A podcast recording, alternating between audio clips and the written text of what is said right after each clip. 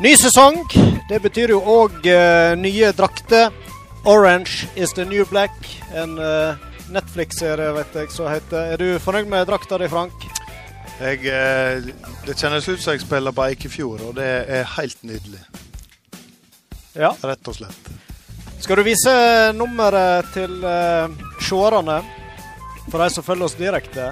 Jeg vet han Andreas Nesje ser på, og det er nok for meg. Og da ser han at jeg er nummer 15, og det er fordi at det var det nummeret jeg hadde når jeg spilte på Stryn. Jeg satt selvfølgelig da mye på benken der, eh, og var dermed kvalifisert for å spille for Stryn 2. Ah, Så er Stryn 2 nevnt Alt over 11 var altså Stryn 2. I gamle dager var det jo Ja, det var det. Du da, Thomas. Ja. Er du fornøyd med oransjefargen? Ja, den er nå grei. Alt kler en smykke, vet du. Ja, ikke sant? Ja. Jeg har nummer ni. Og da er vi jo spent på hva ligger bak det tallet. Ja, det er en stor uh, helt som jeg uh, så opp til uh, på 90-tallet. Robbie Fowler, Ja, Liverpool-spissen. alt han gjorde utenfor banen var kanskje ikke like bra, men han var en god spiller. Det høres bra ut. Sjøl så har jeg valgt uh, skulle si start, start nummer sju. jeg er litt mer på sånn uh, nummer på brystet. Jeg bør egentlig ha snudd uh, bak fram uh, T-skjorta. Litt mer individuell, du. Ja, jeg er nok det. Jeg Tror ikke lagspillerne å gjøre. Nei, Det har aldri vært. nei, nei. nei. Drev med langrenn og Men sånn. nummer har du, da? Nei, det er nummer sju, da. Og Ja eh, du vet, jeg vet ikke, det ramla nå litt ned i hodet på meg at Jeg det var tenker- men eh, det var jo eh, Du, du, du vet vel de tre B-ene? Nei. Beckham, Best og Brandhaug. Det var jo sju. Og du og du. Ikke Brendesæter, altså. Det kan det jo være òg. Jeg har ikke full oversikt.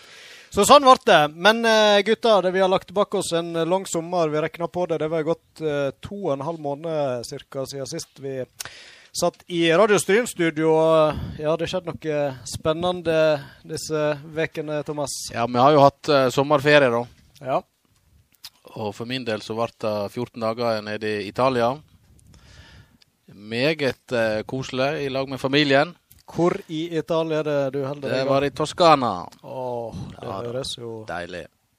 Uh, og der fant guttungen min på noe kjekt. Ja vel? Vi satt og, ute og koste oss på kvelden, og plutselig tok han fram mobilen, og så begynte han å kjøre Sport om spass på halve fart. Går ikke det seint nok fra før? går ja. veldig seint, og det høres ut som vi er dritende fulle. Men utrolig artig å høre på. Prøv. Det er, å- anbefale, ja. Hvis en skal ut på en Vi vet jo Rasmus Gausemæland liker jo, har jo han sagt, å høre på Sport om spas når han er på langtur. Så hvis han skal nå av gårde på en skikkelig langtur, da, så kan han ta oss i halv fart. Så får han kanskje en god latter over fjellet òg. Så Uff, det får være dagens anbefaling. Ellers så har jeg jo sugd godt på Champions League-karamellen i hele sommer. Å ja, det er smak i den fortsatt. Den Fortsatt karamellen. smak, men eh, nå må vi nullstille, vet du, og konsentrere oss om ligaen. Ja. Den er jo i gang igjen, eh, Frank. Er du fornøyd med starten? Du fikk jo en drømmestart. eh, Du var jo på plass i England, du, når det Ja, eh, da var jeg på tur med mine to yngste gutter og min far. Og så var vi og så Liverpool Norwich, der, der jeg vant eh, 4-1. Eh, så det var en solid start. Og så har jo de klart å følge opp òg, og leder jo Premier League for øyeblikket. Så eh, vi får se. Og Og- Leeds leder championship, eh, Ove. Tommel opp der. Ove André òg har jo fått seg eh, drakt i år. Jeg vet ikke om du vil vise eh, de fem seerne våre. Drakt nummer to. Har du en forklaring på eh, Nei. Ingen Han bare liker to, toeren etterpå. Si det, det, Hvis det er lov å si. det er vel ikke lov? Det er ikke lov å si. Det er ikke lov. Vi haster videre. Uh, Uff.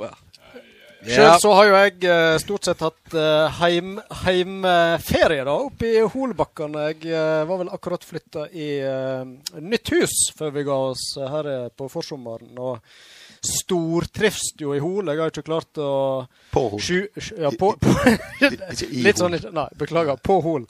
Jeg har ikke klart å skjule min begeistring for det, da. Så jeg har faktisk eh, har Svære faktisk- plen du har, Roy Aron. Ja, det, det òg. Svære plen. Det er Jeg syns det er litt eh, rørende at du kaller deg sjøl Roy Hoel på Instagram. Ja, du har sett det, ja. ja nei, jeg, jeg leker nesten med tanken eh, her på en flott sommerdag om og så utover eh, de flotte Holbakkene. Skal vi rett og slett ta nytt etternavn her. Roy Hol. Men eh, ja. Jeg, eh, jeg har enn så lenge nøyer jeg meg med Instagram-kontoen, der jeg er blitt rå Roy Hol. Altså, men så får tida vise om vi trives mer og mer på Hol. Men nå glemte du vel å spørre hva jeg har gjort på i sommer sånn ellers? Ja, det ble litt uh, full fart med Liverpool. Ja. Ja. Har, du, har du mer du vil fortelle? Nei, altså Jeg jeg var på Beitostølen live og så Sting og September When. Og så har jeg vært på eh, noen skoleavslutninger. Vi har vært en del i Klatreparken. Så var jeg i et 50-årskalas i Håndalen. Jeg har vært på Sundsnibba på fjelltur. Anbefales. Eh, ferie Oslo, Sverige på Gotia Cup. Eh, kjempeopplevelse. Vi har vært på Hoddevica, der jeg møtte Krompen. Eh, Proffveka har vi arrangert. Så har vi vært til Liverpool. Og så er treningene og kampene med småguttlaget i gang igjen nå, da. Wow! Du har, fått, du har fått slappe av litt da, eller? Ja, vi har jo slappa av hele veien og kosa oss. Men du nevnte krompen midt inni der. Det må du fortelle litt mer om. Hva Nei, du, vi var ute eh, på Hoddevicha en eh, vakker sommerdag, og så eh, var han der tilfeldigvis. Og det var et søskenbarn av meg som var der eh, med venninna si og lå i telt. Eh, og så når de skulle legge telt, så fikk de beskjed om at ja, da fikk de teltplass ved siden av kronprinsen. Ja, ha-ha, tenkte de, og så så jo de faktisk at det var han som var ved siden av, Ja, med sin eh, prins eh, Sverre Magnus på slep. ja.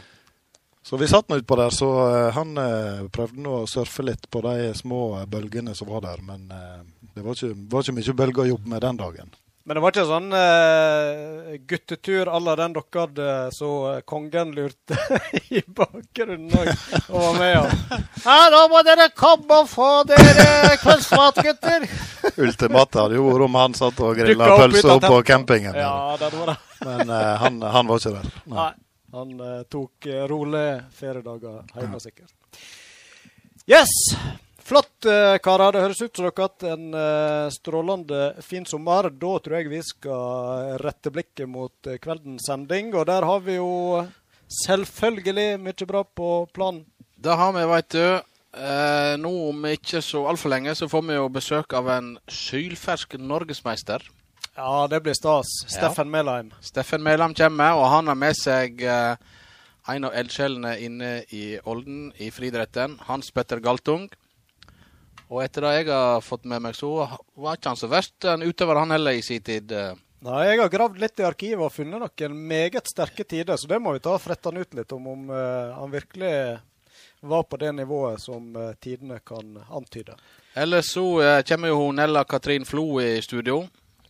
Spilt både fotball, håndball Friidrett. friidrett, ja. Alpint var hun vel så vidt framme, tror jeg òg, så hun Så, var en allsidig Hun er vår arkivsak. Ja. Vassar, vi vasser i arkivet. Den spalten er selvfølgelig med oss eh, denne sesong to òg. Og så har vi jo eh, kveldens blodfan, sjølsagt. Ja, der eh, har vi leita fram eh, Ja, da har En, vi leita fram noe av det beste vi har i Stryn, vil jeg påstå. Ja. Terje Vallaker, Derby, County. Storlag på 70-tallet. Han skal fortelle oss litt om sitt forhold til den klubben. Og så skal vi jo ha en liten lokalsportrunde og konkurranse og ymse. Det skal vi. Da eh, må vi heller ikke glemme at eh, ny sesong, og vi har òg en ny hovedsponsor. Nå har de endelig hørt meg og mase midt om plass. I eksklusive kretser gjør radiosporten spass. Her sitter jeg stram og slank blant FM-bandets konger, Roy Thomas og han Frank. Kjøpmann André Oppheim og Bumpris Olden er stolt sponsor av Sport om spas i sesong to. Å ja! Jeg hører på Radio Stryn. Fantastisk. Det er flott. Han var jo gjest her i studio på tampen av sesongen. Jeg vet ikke, Skal vi oppfordre alle våre tidligere gjester til å bli sponsor, kanskje i Spurtåspass, så eh, kan hadde det jo vært- bli studietur fort der til Vært lukrativt. Ja. Jeg må òg informere om at uh, vi fikk jo T-skjorte med han André når han var her. ja. Og den Åjau-T-skjorta den har vært flittig i bruk. Har den? Så Ja da, bra. den. Absolutt. Den bærer jeg med stolthet. Kjempeflott. Kanskje vi skulle Pass på å ta bilde neste gang, dokumentere. Skal vi vise til han André at vi har den med oss rundt om på trakketurene til Linset, Thomas, eller Ja. fjelltur, Frank, så er det bare å ta et bilde i OIAU-kostymet. Da eh, tror jeg vi tar bitte litt musikk, og så eh, skal vi Nei, nå lyver jeg. Vi skal over i lokalsportrunden, vi, som eh, venter oss. Ja. Da tror jeg vi begynner med noe som er helt ferskt, nemlig Stryn sitt damelag i fotball. Ja. De var nede i Sogndal eh, tirsdag og møtte da Sogndal. Et lag som de slo 11-1 her i serieåpningen i vår. Og da skulle en vel tro, Frank, at eh, dette her var rett fram og i boks. Ja, var ikke det? Nei. Uavgjort 1-1. Hedda Vatn Øvreberg var Stryn sin målskårer. Jeg snakket med noen av spillerne ute på stadion i dag. Jeg var ute på et lite oppdrag der, og de var ikke særlig fornøyde med resultatet. Hvordan er ståa på tabellen? Eh, Tredjeplass er det vel. Andre eller tredjeplass. Langt fram? Tre poeng bak Sandane. Mm. Ja, men da er det absolutt spenning utover Ja høstsesongen. Og så var jo Oppstryn Våre venner i Oppstryn var jo i aksjon i går mot Eid 2. Eid har jo eh, vært fælt med stryne i det siste. Klarte opp stryningene og uh, gjøre noe med det, eller? Vil jeg ikke si. 1-8 mot Eid 2. nei, nei, nei. 1-8. Så nå gikk Eid 2 forbi på tabellen og leda. Eskil Sørum Olsen reduserte for Oppstryn. Ja. Fem minutter før slutt. Vet du noe mer om kampen? Var det noen spesielle grunner at det ble såpass stygge resultat? Nei, ikke annet enn at uh, Klart, når du ligger under 4-5-0 i andre omgang, så går vel lufta litt ut av ballongen. Ja. Og 1-2 stilte vel sikkert et brukbart lag òg, det vil jeg tro. Vi skal jo øyeblikkelig ha Oldere i studio, og eh, de store resultatene i helga, den, de, de sto jo den ene gjesten vår for. Ikke Ja. han Hans Petter Galtung, men han Steffen Melheim, og vi skal prate mer om det. Men eh, der vanka det både gull og sølv, som vi var inne på. Ja da, Steffen han tok sølv i diskos, og han vant i kule i junior-NM. Og Det skal vi få eh, snakke om nå om ikke så altfor lenge. Og i Olden der skjedde jo andre ting. Ja, de hadde sitt første skal vi kalle det store friidrettsstevnet der i helga. Der det var klubber utenfra Olden som var invitert. Og eh, flott innsats, god stemning og full kontroll fra arrangøren der. Med han Hans Petter Galtung blant andre. Sondre Guddal Mure òg er en eldsjel i idrettsmiljøet inne i Olden. Mm. For der har de bygd opp et eh, flott lite anlegg ved siden av skolen. Ja da, de har jo ei eh, 100 meter lang eh, bane der, og det er lengdegrop, kule Flott klubbhus Klubbhuset driver jeg og fører opp nå, og det blir jo eh, ferdig til løpet av høsten. Mm.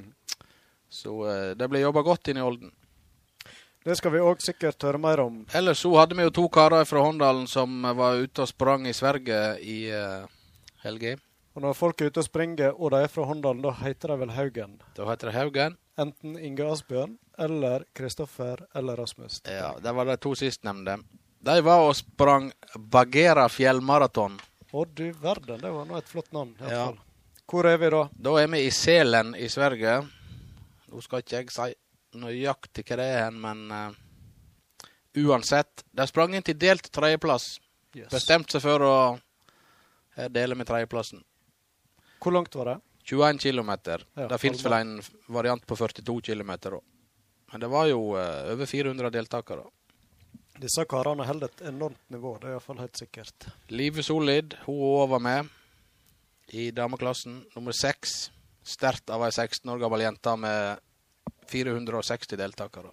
Og siden vi var på lufta sist, så har jo hun blitt junior verdensmester i motbakkeløp. Ja. Så det er jo bare Hun er vel i slekt med disse Haugen-brødrene nå, er ikke hun det? Ja, det det- ser ikke vekk ifra at der er det noen felles uh, Ja gener, etterpå si. De er iallfall enormt uh, løpssterke.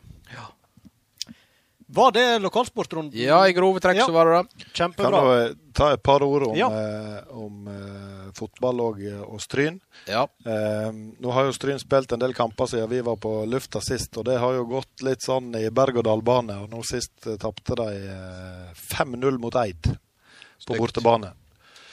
Eh, og vi hadde jo Geir Inge og han Emil som gjester her før sesongen med klare ambisjoner om opprykk. Og nå ligger altså Stryn på sjuendeplass på tabellen med 22 poeng, og Årdal leder med 39.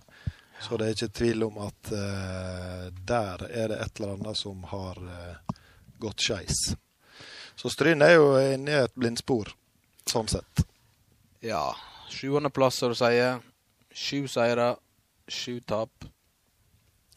Så eh, det, Det var, ikke, det var ikke helt den samtalen vi hadde før sesongstart. Nei, det var jo mye optimisme før sesongen, da, men eh, de har ikke fått det til å fungere. Og så har det forsvunnet et par spillere langs med, og så, ja.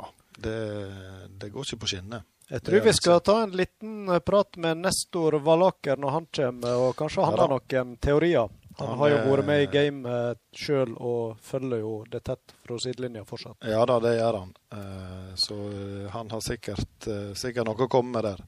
Ja, klart 5-0 mot Eid, det er, jo, eh, det er jo ikke bra. Det er jo stygt. Spesielt Nei, jeg- når det er mot Eid.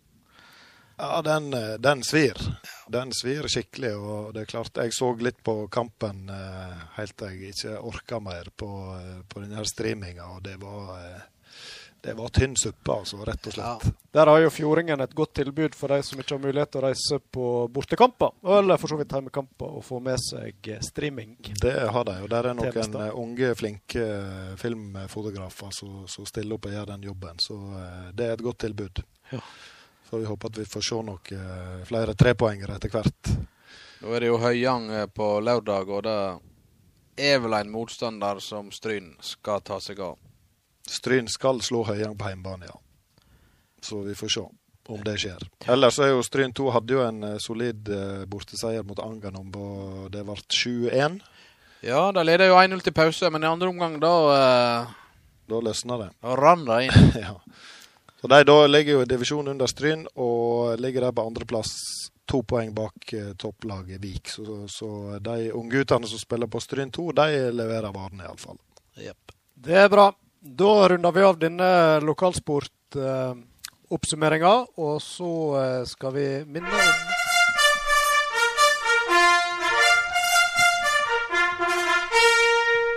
Konkurranse, og der eh, du er vel fortsatt Du tar vel ansvaret for den, Thomas, denne sesongen? Nei, jeg kan nå ta det denne gangen her, da. Ja, det er bra.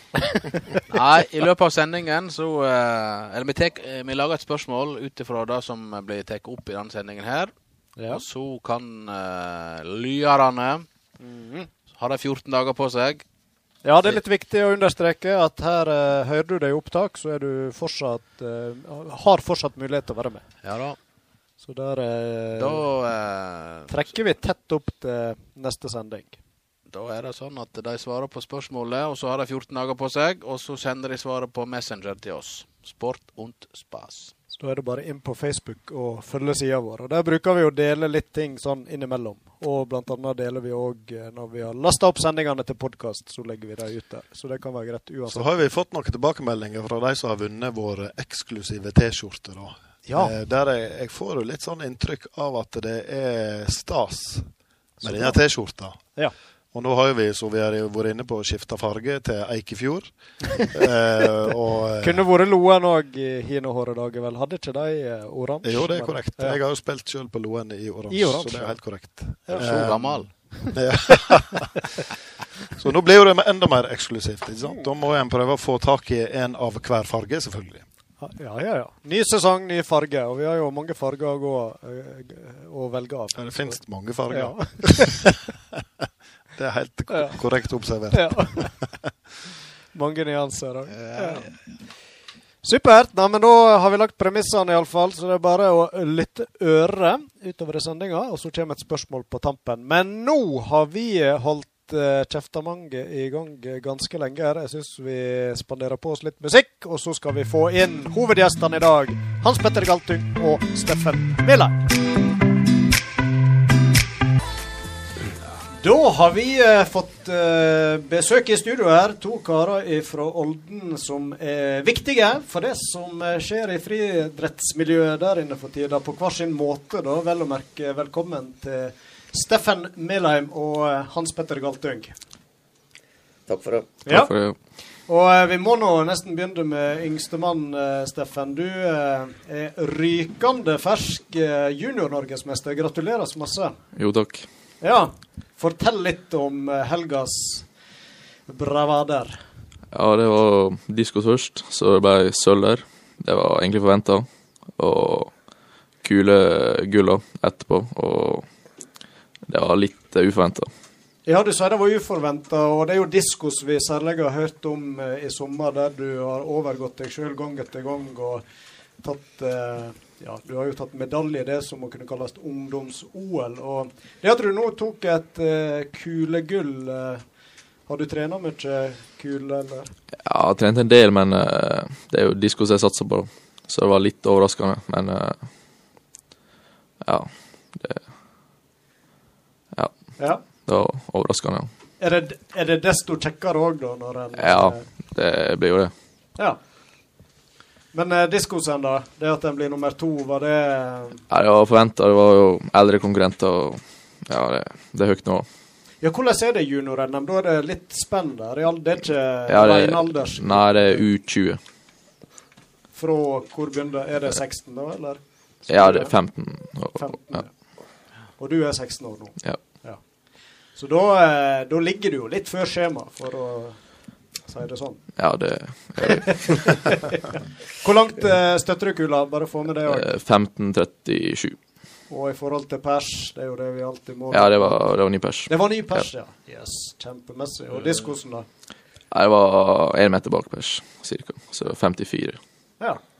Hva så er det optimale forholdet i diskos? Er det Ja, det, det er motvind som er best. motvind, ja? Om det er sol eller regn og det er Ja, vi er jo helst av sol, da. det helst sol. Tørr eh, ring. Ja. Kan bli litt glatt i regn.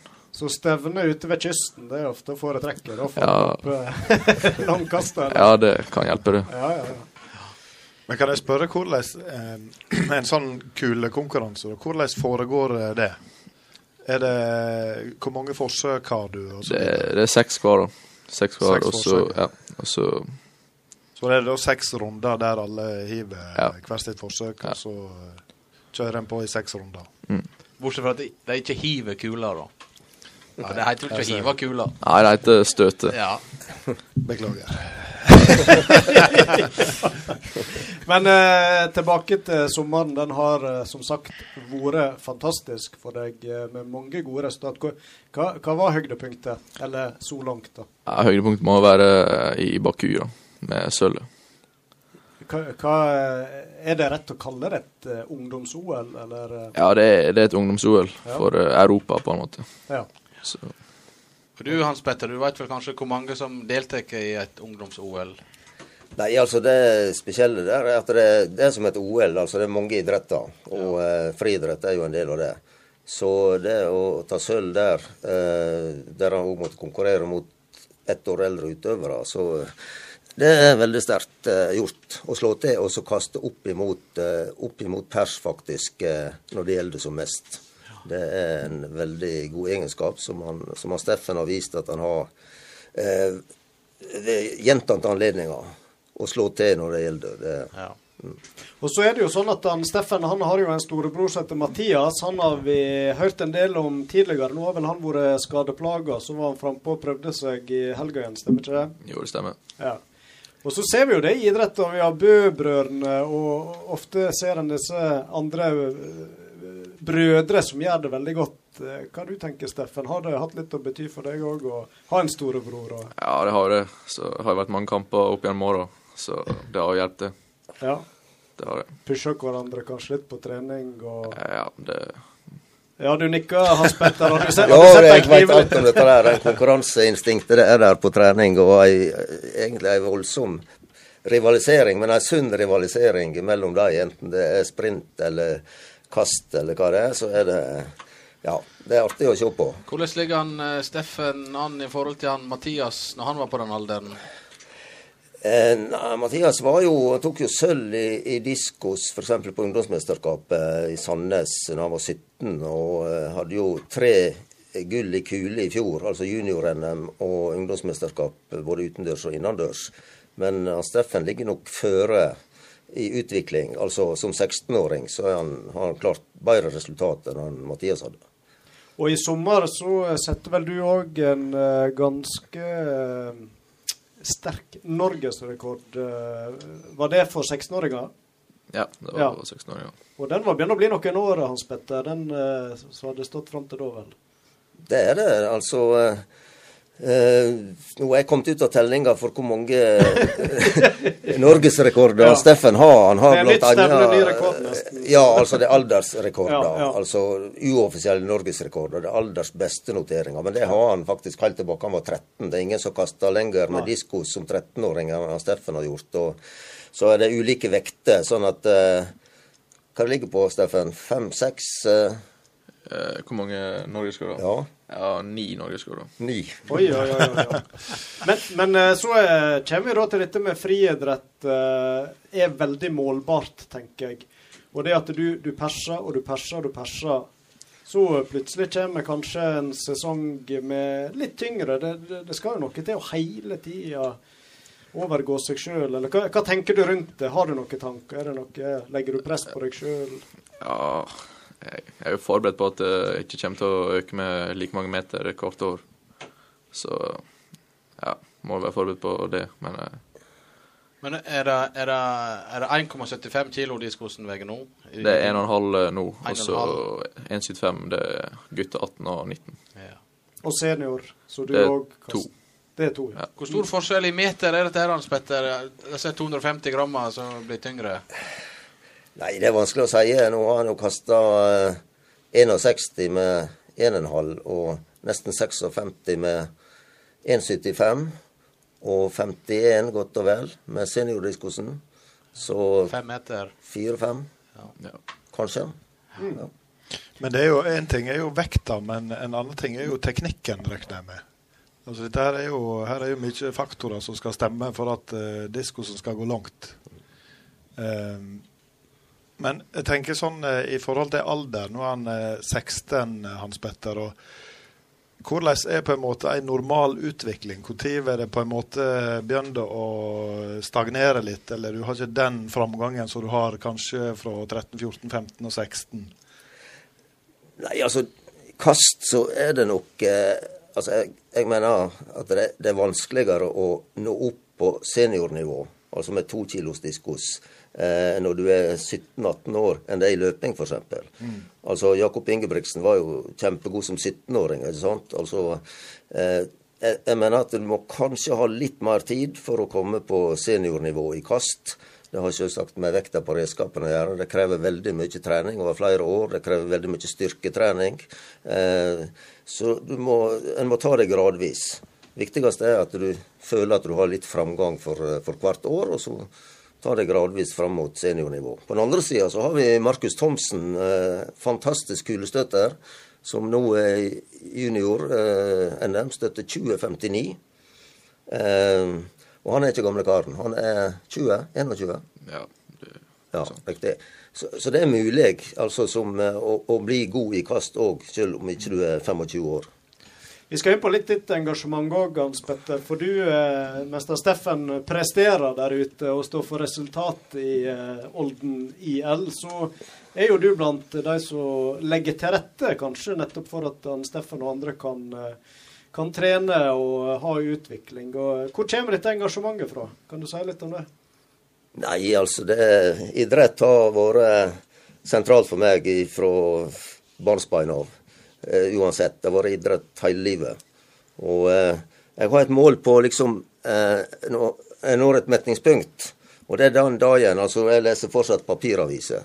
Hvis jeg ikke tar Dagbladet og VG og slår opp på sportssidene først, da eh, har jeg fått nok. Hvis jeg begynner framme og leser lederartiklene, og så blar meg utover i avisa, da tenker jeg OK, kanskje jeg må slappe av litt med idrett. Men eh, engasjementet, det er Olden idrettslag det har vært et hjertebarn for meg fra eh, Det er greit jeg var vekke i en ti-tolv år, men hele tida har det vært Olden idrettslag. Ifra jeg var aktiv sjøl, men helt ifra 70-tallet så har det vært, ja, det vært Olden. Både som leder og aktiv og trener og sånt. Så det har vært noe spesielt. eh, Så eh, engasjement er ikke vanskelig å finne. Nå har du jo fått et eh, utrolig flott friidrettsanlegg der inne. Og et klubbhus som nå eh, er ferdig om ikke så altfor lenge. Så det er, jo, eh, det er jo tydelig at ting skjer og ting blir gjort der inne. Ja, det er klart det, det er ganske sentralt at vi Altså For ti-tolv år siden så hadde jeg òg et ganske godt friidrettsmiljø. Og eh, målet den gangen det var å være best i Sogn og Fjordane, og kanskje best i Norge uten anlegg. Og det var, ikke, var iallfall best i Sogn og Fjordane uten anlegg i det hele tatt. Vi drev sprinttrening oppå uh, i grusen på idrettsplassen og uh, ja, håpløse treningsforhold. Men vi var ganske gode den gangen òg. Uh, men det at vi har fått et anlegg og åpna det, og ikke minst at vi da har en kastarena oppe med Aldaheim, der Steffen og Mathias trener eh, veldig mye. Fått en diskosring der. Eh, det var ikke, og kulering og alt det der. Det, altså Et minimum anlegg må du ha hvis du skal eh, få utøvere som presterer på, på godt nivå. Så eh, det har selvsagt vært viktig, viktig i den utviklinga vi har hatt. Eh, de rolle oppi dette, er du med å tilrettelegge, tilrettelegge litt med trening òg, eller er det mer sånn på andre typer måter du bidrar? Nei, I forhold til kasterne, så Som sagt, drømmen min er alltid å utvikle løpere. Og det ville nå gjøre under Mathias og han Steffen òg. Men så så jeg på et eller annet tidspunkt at kanskje ikke det at de ikke kunne blitt gode i løp, for det, det kunne eh, Sprint, Steffen eller? kunne godt eh, blitt bra i sprint. Høgde, ikke minst. Ja. Har veldig god spenst. Eh, men kast var kanskje der talentet var størst. Mm. Og, og jeg hadde ikke noe kompetanse på det, så jeg, eh, min rolle er mer å, å støtte opp, være tilrettelegger og innhente kompetanse utenfra. Og eh, som jeg har nevnt i veldig mange anledninger, det samarbeidet vi har med Gloppen, og ikke minst han Jørund Årdal, som er landslagstrener i slegge, og, men har god peiling på, på all kastidrett. Og måten han har da tatt seg av både Mathias og han Steffen på, selv om de står i Olden idrettslag, ut på Sandane, på Loggane kastarena, der er oppvarma ringer og flott anlegg, det, det har vært veldig sentralt i disse karene sin utvikling. Ja, eh, Steffen, fortell litt om det. Hvordan opplevde det samarbeidet med Gloppen og Årdal? Ja, det har betydd veldig mye. Det- hadde jo ikke vært i nærheten av eh, de resultatene jeg har fått eh, uten det. Så det, det er jo bare å sende en melding, og så er han der. Så er det bare å reise ut. Så får jeg trent og Sier du det, ja? Ja. Da, Det blir en del turer til eh, Gloppen da i løpet av ei uke, kanskje. Ja, det blir i hvert fall én. I hvert fall én, ja. nå kan du kombinere det med lærekjøring òg, eller? Ja, det Det kan jeg. Ikke verst. Men eh, jeg kunne tenkt å spørre, Steffen, husker du når du ble eh, Du fant ut at oi, dette her er kanskje noe jeg kan bli bra på? Ja, det, var, det må ha vært da jeg var tolv år. da. Det var første konkurransen min. Så på første stevne så tok jeg eh, landstoppen Ja. 29 meter. da. Diskos. Ja, så det var da jeg skjønte at det var det jeg burde satse på. Ja. For du har jo vært innom eh, andre idrett, idretter òg. Du har nå spilt fotball, veit jeg. Ja, det har jeg òg. Så Men jeg skjønte vel ganske fort at eh, jeg hadde best potensial i, i friidrett. Ja, det ser bra ut. Og så, og så er det jo andre utøvere òg nå i Olden som har markert seg, både sprint og annet, er ikke det Hans Petter? Han, eh, Ruben, blant annet. Eh, Jo da, vi har eh, folk med potensial, kanskje spesielt han, som eh, er hyperrask, rett og slett, og hadde Norges beste tid eh, på 100 meter i fjor. Og er, i landstoppen på 60 meter, 100 meter og lengde. Eh, og ikke noe treningsprodukt. Han har eh, et voldsomt potensial og masse å gå på når det gjelder trening. Eh, utvilsomt. Og så har vi òg fått eh, en utøver fra Loen, noen Maja eh, Både, som Fuglestrand Både, som eh, har et stort potensial i spyd. Eh, Sett kretsrekord i år og, og kaster sånn eh, på sitt beste mellom 40 og 45 meter. Og ja, en skikkelig lovende kaster. Hun har litt av de samme egenskapene som han Steffen, med eh, god teknisk. Har eksplosiviteten og alt som, som skal til. Så jeg håper hun finner seg til rette i Olden. og men der òg eh, må vi altså samarbeide med kastmiljøet i Gloppen og, og trenere der. Eh, det, det er viktig at vi har dette der samarbeidet om utøverne.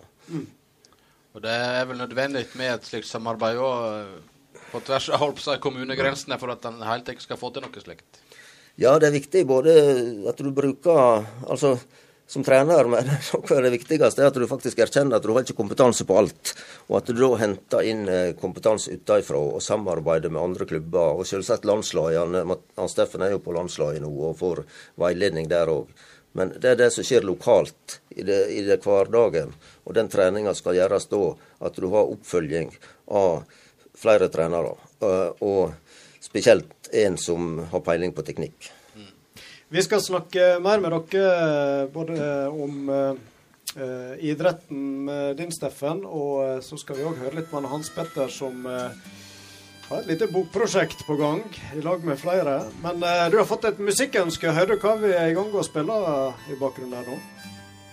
Kjenner du igjen? Ja, det, er- det var noe kjent med den, ja.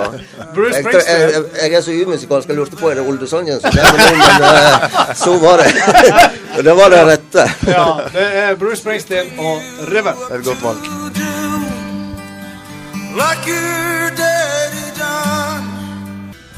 Det var brusende god stemning i studio og flott musikkvalg der.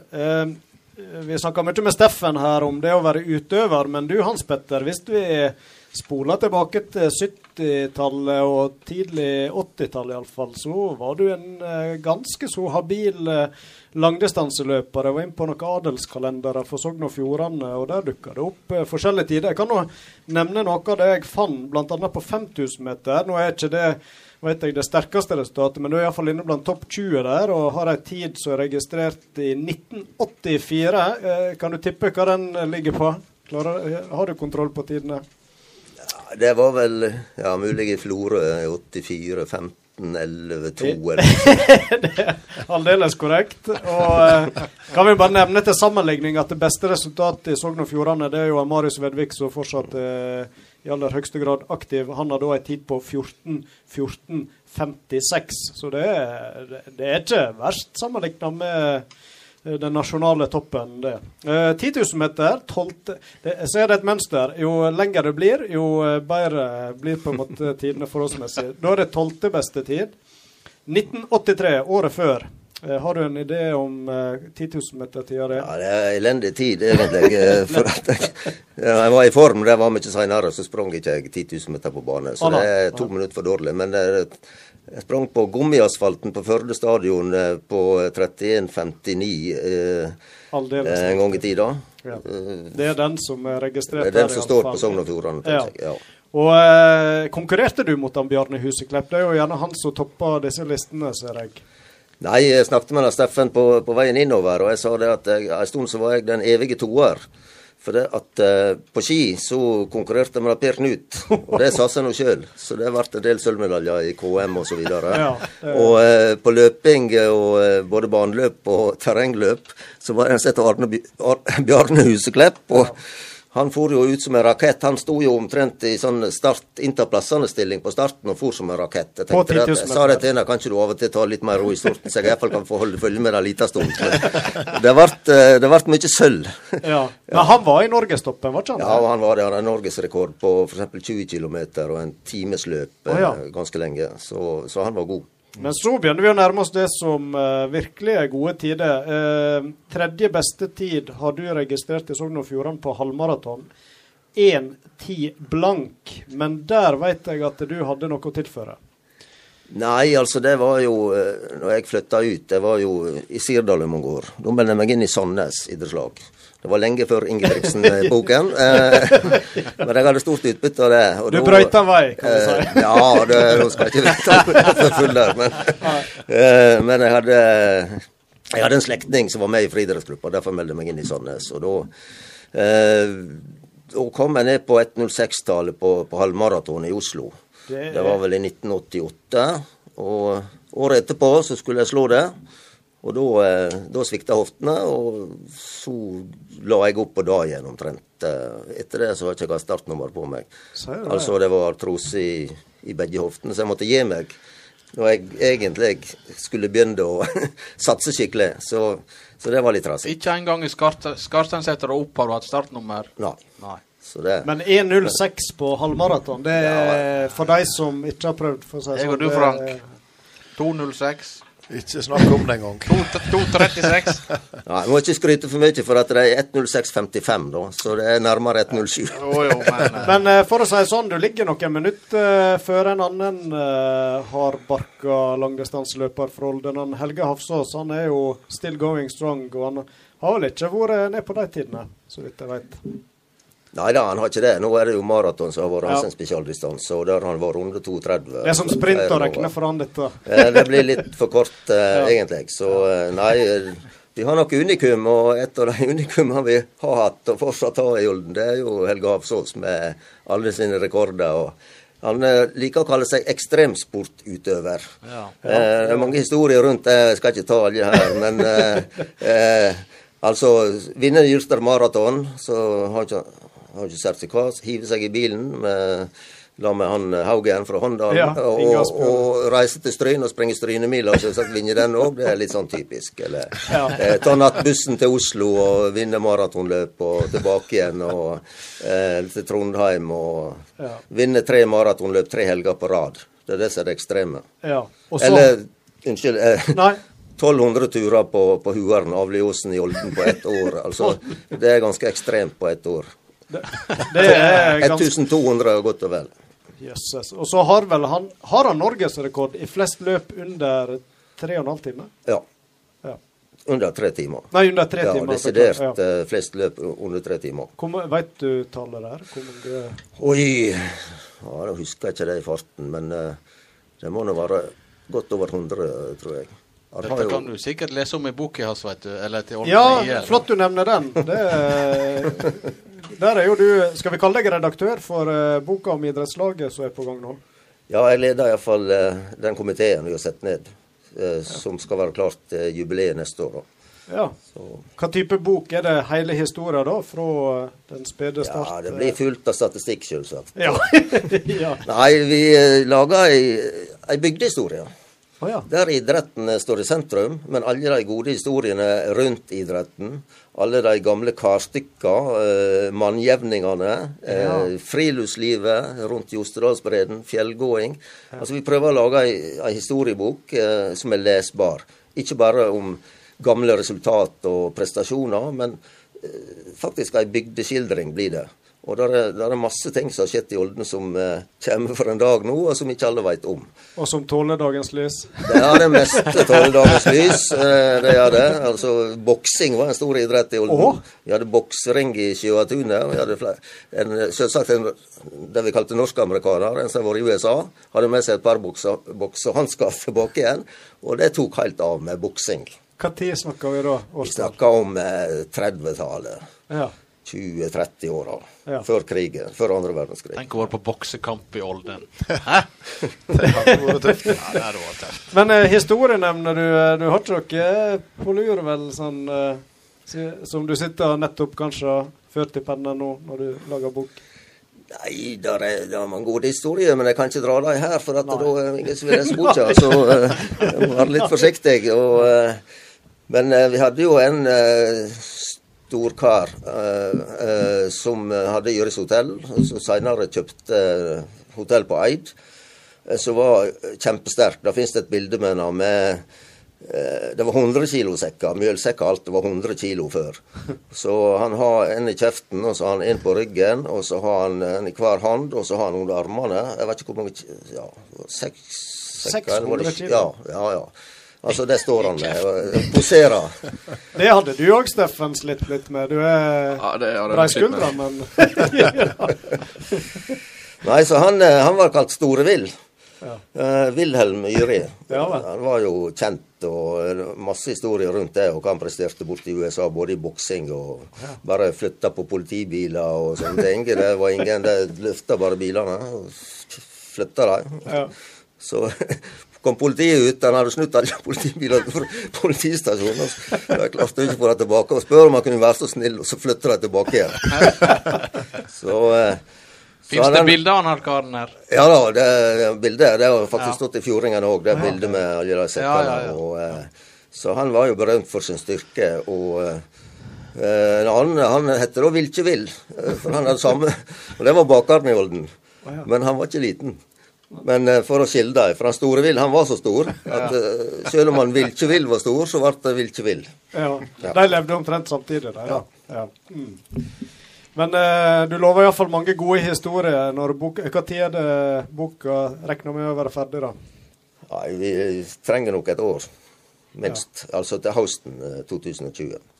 Men eh, stemmer det at dette skal ut i forbindelse med et jubileum, ikke sant? Eh, var det noen som hadde regna feil, eller hvor dette var? Nei, altså ja. skal vi rippe opp i det nå? Nei, det kan vi godt gjøre. Altså, I alle offisielt så, så uh, skrifter så står det 1920. Men så er det jo sånn at jeg går jo til Fjordabladet, altså den eldste avisa uh, i, i Nordfjord. Så jeg driver og blar gjennom gamle Fjordablad når jeg er på Eid.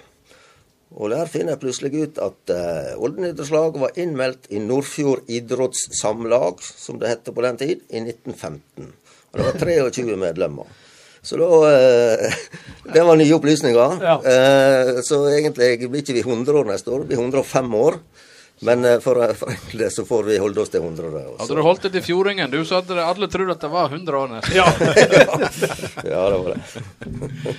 Men du Frank, har du et eh, spørsmål, interessant spørsmål eh, til Hans Petter? Ja, altså I forhold til Olden i idrettslag, så er jo eh, draktene der gule og blå.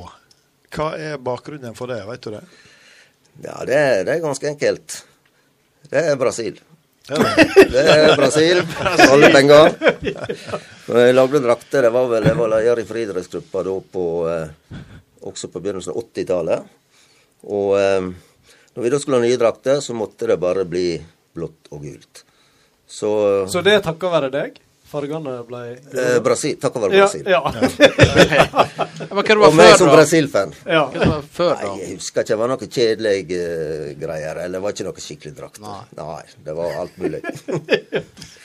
Siden det så har det vært sambatakter inne i Olden hver eneste dag. Eh, Ja. ja. det kan diskuteres. Iallfall hver lørdag. Hver lørdag. eh, Full samba. Brasil, du. Ja, men da fikk vi vite noe nytt, karer. ja. Men Steffen, eh, sesongen den er vel ikke helt over ennå, regner jeg med? Det er nå et mesterskap til. Ja, det stemmer. Det er UM eh, neste helg Ja. på Jessheim. Hvordan føles det ei uke før? Nei, det- tror formen skal være bra, så det kan bli spennende. det. Ja. Blir det både diskos og kuler, da? Har da planer å stille i alle kastøvelsene.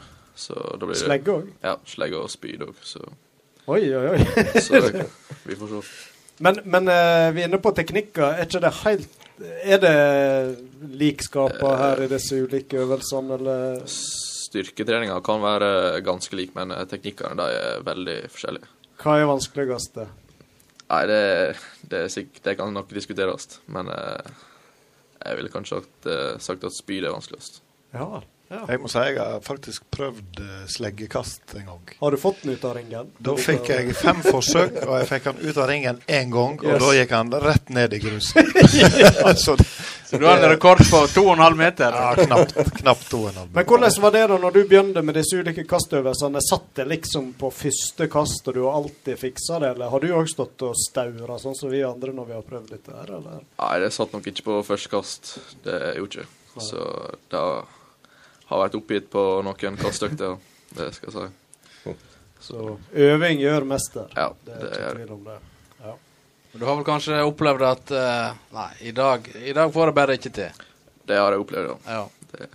Og så er det vel andre dager det er motsatt. og... ja, det, det stemmer. Merk, kjenner, du på, kjenner du på kroppen at dette her, mens diskosen fyker av gårde, kan du si at dette her var et kjempekast?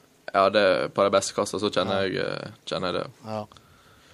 Så det gjør jeg.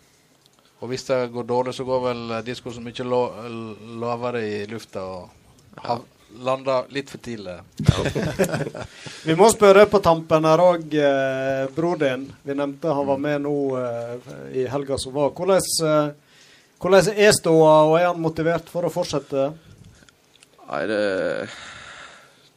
Det tror jeg. Men Ja. eh, det Et stykke fram før han er i godt gammelt slag. Ja, det sliter jo med skade fortsatt, da, tror jeg. Ja. Så jeg får, får nesten spørre han. Ja. Mathias han er jo en Liverpool-supporter, Frank. Ja. ja. Det, det er ikke han Steffen. Har dere klubber dere henger med? Disse to karene ved siden av meg de er jo veldig opptatt av dette med engelske klubber. da. Nei, altså i England er det kun én klubb, oh, ja. og det er Leeds. Der, ja. Der fikk dere den. Ja, men det er, Men jeg har hørt uh... Der våkna uh, lydmannen òg. Jeg har en uh, oppfatning av at Olden det er ei Leeds-bygd. Er det det? Ja, jeg har vel spurt før han eh, André. André. André. Han mente vel at det ikke var det, men eh, jeg syns det er mange i Olden som er på Leeds. Vi har flere Ja. ihuga eh, Leeds-supportere, ja. Oldere er gode folk. De er, nå er de sponsor for programmet vårt òg. Jeg vet ikke om du fikk med deg det. Så oh, ja. Bunnpris Olden. Så eh, det passer fint å ha med Oldere i denne første sendinga av sesong to. Så det, Det har sponsoren lagt føringer på det? ja. Nei, det, det, kom, det kom, kom i stand etter det En Older i studio hver gang. Det er Ja, ja. minstekrav. Tida springer fra oss. Utrolig kjekt å ha dere med i studio, eh, begge to. Både høre litt om eh, prosjektet ved siden av idretten, og ikke minst da en som står midt oppi det og presterer helt til landstoppen. og og faktisk europatoppen. Så vi, vi følger spent med. Vi jobber jo i lokalavisa og skriver om lokalsporten, og er alltid spent når du er ute og kaster. Så det skal vi fortsette med. Og lykke til med bokprosjektet og eh, friidretten i orden Hans Petter. Tusen takk for det.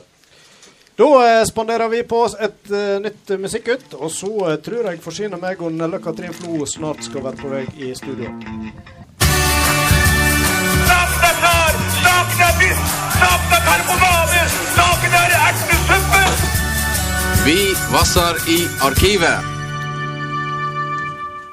Ja, de gode gamle spaltene de eh, følger oss videre, Thomas og Frank. Vi eh, Du grei. ja. Ja, vi er ikke gode å bade, men vi er gode å vasse. ja, for det, det, dette navnet Vi kan jo bare si litt uh, hva som ligger bak det. Og det, det er faktisk valgt med litt uh, omhu. Vi vasser i arkivet. For eh, det, det er ikke et dypdykk. Eh, vi, det er på en måte ikke noe rangering som foregår, og veldig sånne planer som ligger bak. Når det er sagt, så eh, de vi inviterer i studio, de er god grunn for at de er her. Men eh, vi har fått et par reaksjoner da om eh, folk som mener at den og den burde vært der når vi har hatt den og den med. Og så eh, tenker jeg at alle kan slappe helt av, og dette handler ikke om noe Det er ingen rangering, det er litt sånn eh, tilfeldig utvalg. Og så tar vi gjerne imot tips, det er vi veldig glad i. Så er det noen som tenker at eh, nå må vi få i studio noen, så er det bare å tipse oss, så er vi veldig åpne for det.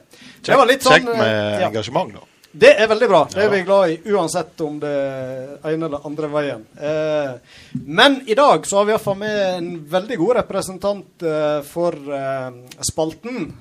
Målet vårt er jo å lete litt fram igjen fra sportsarkivet utøvere som hevder seg i en eller flere idretter litt tilbake i tid. og ja, kanskje forsvant det litt eh, brått vekk fra sportsspaltene i Fjordingen. Og så lurer vi da på hvor eh, ble de av. Og da, velkommen til deg, Nella Katrin Flo. Du er jo ei som virkelig hevder seg eh, litt tilbake. Ja, takk. Takk for det. Ja, for du, eh, du har jo både drevet med håndball og eh, litt ski og friidrett, og ikke minst fotball. Det stemmer. Ja. Var det, det er fotballen som kanskje Skal vi si det var hovedidretten, eller er du enig i det? Ja, det må jeg vel si. Ja. Og hvor Skal vi spole tilbake til da det begynte på Flo, og hvordan var det du liksom eh, kom i gang med både fotball og disse andre idrettene? Nei, det var vel helst at vi hadde ikke så mye annet å finne på. Og så eh, hadde jeg to eldre brødre og så fikk lov å begynne litt ned i Stryna, og det var jo veldig spennende. Så jeg husker veldig godt han Even han eh, spilte på Stryn sitt guttelag, og så skulle de ha avslutning, og da fikk de sjokoladekake, og det, det var det som gjorde at jeg hadde lyst til å spille fotball. Det var jo ja. ja, den kaka skulle du smake Ja, ja, ja. på. Ja. Så det var greit. Det var, da var jeg i gang, egentlig. ja. Men eh, det eneste problemet det var at det var ikke så veldig mange jenter som spilte fotball da. Så da ble det med guttene. For det var jeg egentlig vant med fra Flo. Ja, jeg skulle til å spørre om det, for uh, hvis jeg husker rett Jeg spilte litt fotball i den spede uh, barndom, skulle jeg si, 10-12 år, og da mener jeg du var med husker liksom du var med og syntes det var litt spesielt ei jente som var med på treninger. Var du med og spilte kamp òg? Ja. Ja. Det var jeg. Jeg var, fikk nå være med disse guttene ned i Stryn og, og spille. Og jeg husker veldig godt, fordi at det var ikke jentegarderobe. Så jeg måtte skifte om i bilen og sitte der ute og vente til disse her karene var ferdige. Ja. Så sånn, eh, sånn virker Hvem det. du hadde som trener eh, på den tid? Husker du? Eh, ja, det var han eh, Asbjørn Sunde. Ah, ja. Ja. Han var Også han Sætre, han Per. Per, per Sætre, ja. ja. Det Dette er gode, sterke navn i fotballstrøm. Bunnsolide greier, det, altså. Ja, ja, ja. Det var det. Det var ikke Det var på lik linje med en gang jeg kom inn. Det var ha, harde tak, men eh, jeg hadde veldig lyst til å spille, så det var bare å tørke tårene og komme seg opp igjen. Ja. Så eh, jeg fikk, ja. ja, jeg fikk jo veldig Altså, det var jo litt sånn at guttene er jo, var jo litt sånn sterkere i kroppen, så jeg fant jo fort ut at da måtte jeg bli god på teknikk, for det, det kunne bli min styrke. ja. Ja.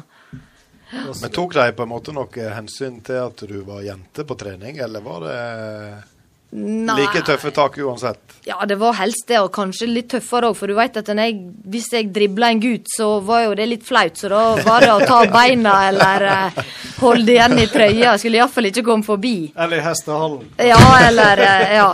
Så det var eh, Det var det. Var det. Så dribla en kvann, og så skjønte du at nå kom det ei flisharde takling tilbake. Ja. Men da måtte jeg på en måte òg lære meg det at du måtte ofte hoppe over beina samtidig som du tok finta. At mye, mye utbytte av det seinere, kanskje òg. Ja. Ja. Men eh, da er vi tilbake sånn 10-12-årsalder. Vi snakka om da du begynte med fotballen. Og da eh, vet jeg òg du var eh, god i friidrett og var med i Donald Duck-leikene, som det heter. Og eh, hevda deg jo godt der òg, så ja. Husker du noe av eh, eh, de stevnene du var med på? Ja, jeg var jo med på Det var jo høgde og eh, kule. Det var vel de to som jeg var best i, da. Det var aldri noe hurt, hurtighet og sånn. Det var vel min største svakhet. Så det var helst høgde da, som var favoritten da, i friidrett. Ja. ja.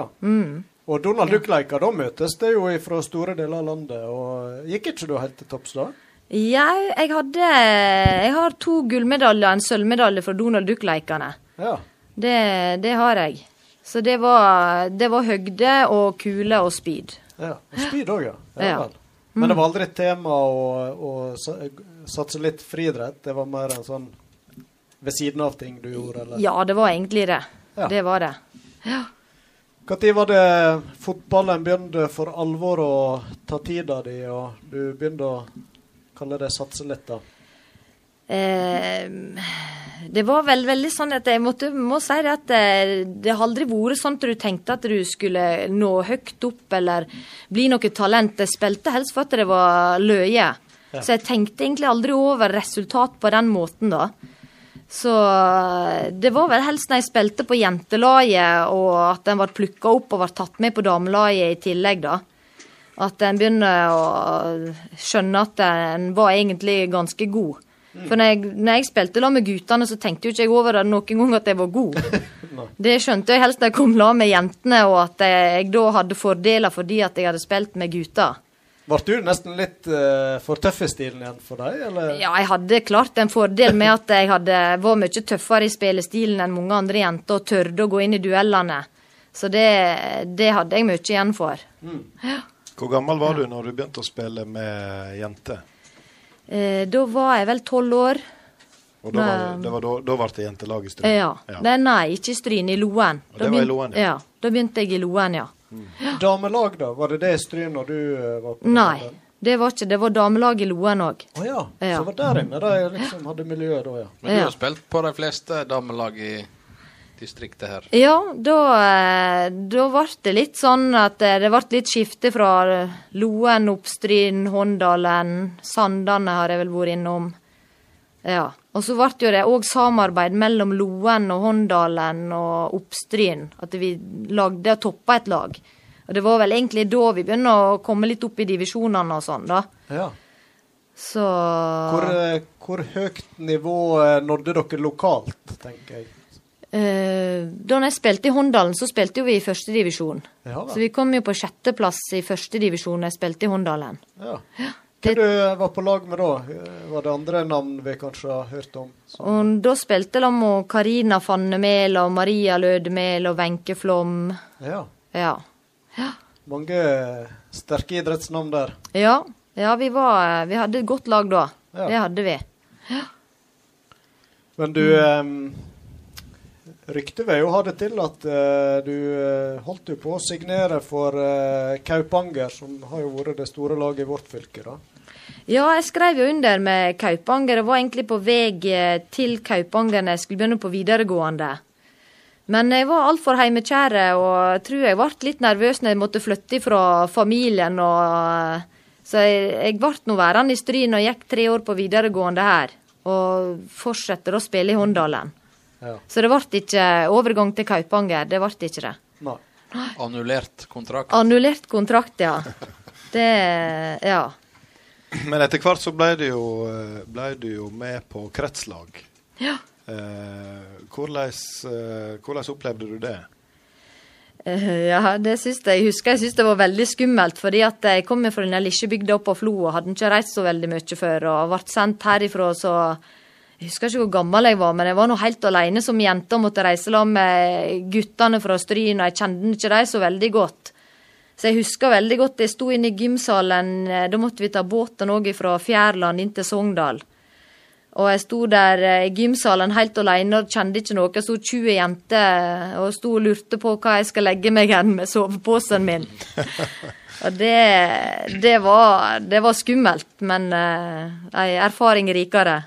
Men uh, Floara, det er nå ikke de vi først kanskje tenker er mest beskjedne og lite før seg, da. Men eh, jeg vet ikke, var du beskjeden jente, altså? Ja, det var jeg. Iallfall når jeg kom ut av Flo. Jeg var tøff da jeg var der oppe, men eh, Tøff på hjemmebane, ja. ja, litt skjelven da jeg kom ned til Stryn. Men eh, kretslaget, ja. Du eh, var vel i samme eh, årskull som eh, en viss Eirik Bakke mange har hørt om. Ja. Så du eh, var vel på samlinga kanskje lag med han, du, da? ja, det stemmer, ja. Så du? Ja. Kan du huske at du, det var en du la merke til, at eh, han der var Ja, jeg husker det fordi eh, jeg kjente nå de litt sånn gjennom For han pappa han var jo med i kretsen litt og jobba i kretsen, så jeg var jo blitt kjent med han Svein Bakke. Visste jo hvem faren hans Eirik var. Eh, og så spilte vi noen turneringer i lag. Eh, der han ble kåra til beste guttespilleren, og jeg ble kåra til beste jenta da, i oh, ja. BT Cup. Så etter det, da husker jeg, jeg hvem han var. Da la jeg merke til når vi var på samlinger sånn i lag. og ja. Ja. Men det var ikke sånn at dere ble kjærester fordi at han har blitt best og du har blitt best? Nei, jeg tror jeg var litt nervøs. Kanskje litt sånn avstandforelska, ja, men jeg tørde aldri å, å prøve meg skikkelig, nei. Jeg var veldig forsiktig med sogninga. Ja. Men var det på jentesida, da, på laget du eh, var på, altså kretslaget, var, eh, kom der gode spillere ut av deg som kanskje tok det videre til seniornivå, eller kan du huske På det som jeg var, jeg var jo eneste fra mitt kull her, da, men jeg husker jo de jo Maria Lødemel og Mariann Flo og disse her, de kom jo inn på kullet under meg. Men eh, vi spilte på to forskjellige, for de er et år yngre enn meg, da. Så eh, Men vi, jeg og Mariann Flo ble vel plukka ut til ei sånn talentsamling, husker jeg. Det var sånn mellomsteg til landslaget. Men eh, det ble, jeg var aldri med på noen landslagssamling eller videre derifra. Jeg hadde, hadde nok ikke god nok grunntrening, tror jeg. Det var vel det som gjorde det. Men, men hadde du ambisjoner på den tida? Kan du huske at du, du ønskte virkelig å komme lengst mulig i fotball? Ja, det hadde jeg. Det, det hadde jeg virkelig. Og jeg trente veldig mye for meg sjøl og dreiv på mye. Men jeg må si at når jeg ser litt sånn tilbake igjen, så savner du litt sånn For damefotball var jo Det var på en måte Du hadde ikke noen sånne mentorer eller coacher eller noen. Altså, du, gjorde alt sjøl på eget initiativ. Så det ble litt sånn at du måtte prøve deg fram sjøl. Så det ble jo veldig mye teknikktrening. Det ble ikke noe system i treninga. Så hadde jeg på en måte hatt noen som kunne har gitt noe råd eller tips eller noe sånt, da, så tror jeg nok jeg kunne ha nådd ganske langt. Men hadde ikke du et søskenbarn som eh, var på junior, eller på aldersbestemt landslag? Ja, og Nina Nina- Kristin Floja, det er søskenbarnet mitt, ja. Ja. Så eh, Ja. kunne ikke hun være litt mentor og komme med litt tips? Ja, men hun hadde flytta vekk, eh, og hun var, på, var ikke her. Og hun flytta veldig tidlig, så jeg hadde ikke så veldig mye kontakt med hun da. Nei. Det hadde ikke jeg. Så det, har litt, Ja. det kan jo være litt uh, greit å ta med seg uh, til de som driver nå, og hva betydning det tydeligvis har, det at en har noen som en kan spare litt med, få litt gode råd, ja. Og, ja. Ja, absolutt. Det, det tror jeg er viktig. Men nå, nå er det litt sånn òg at uh, jentedamefotball har jo en helt annen status nå enn den hadde da. Ja. Eh, og i forhold til f.eks. aktiviteten i Stryn, så var jo nesten vel helt fraværende på den tida. Så er det jo ei vøle med, med jentelag og seniorlag for damer, alt er jo på plass der nå. Så jeg tenker hvis du hadde vært ungdom i, i Stryn fotball i dag, så kunne jo den historien vært helt annerledes.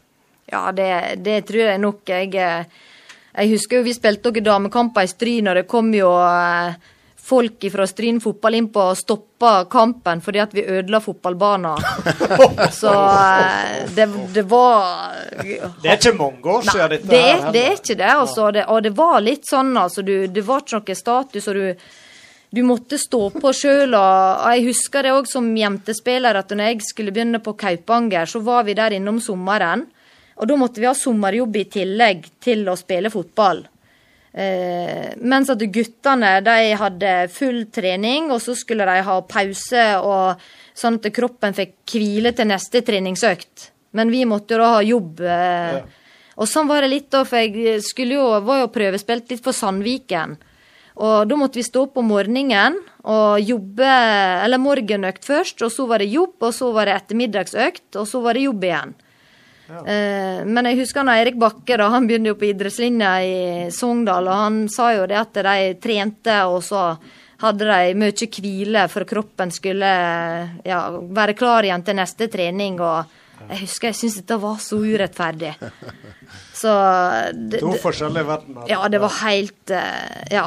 Så vi måtte på en måte tenke utdanningsstudie i tillegg til hvis du skulle gjort en karriere i forhold til en guttespiller som ble fulgt opp, og de fikk gjerne gratis hus, leilighet i klubben de spilte, men det, det hadde jo ikke vi.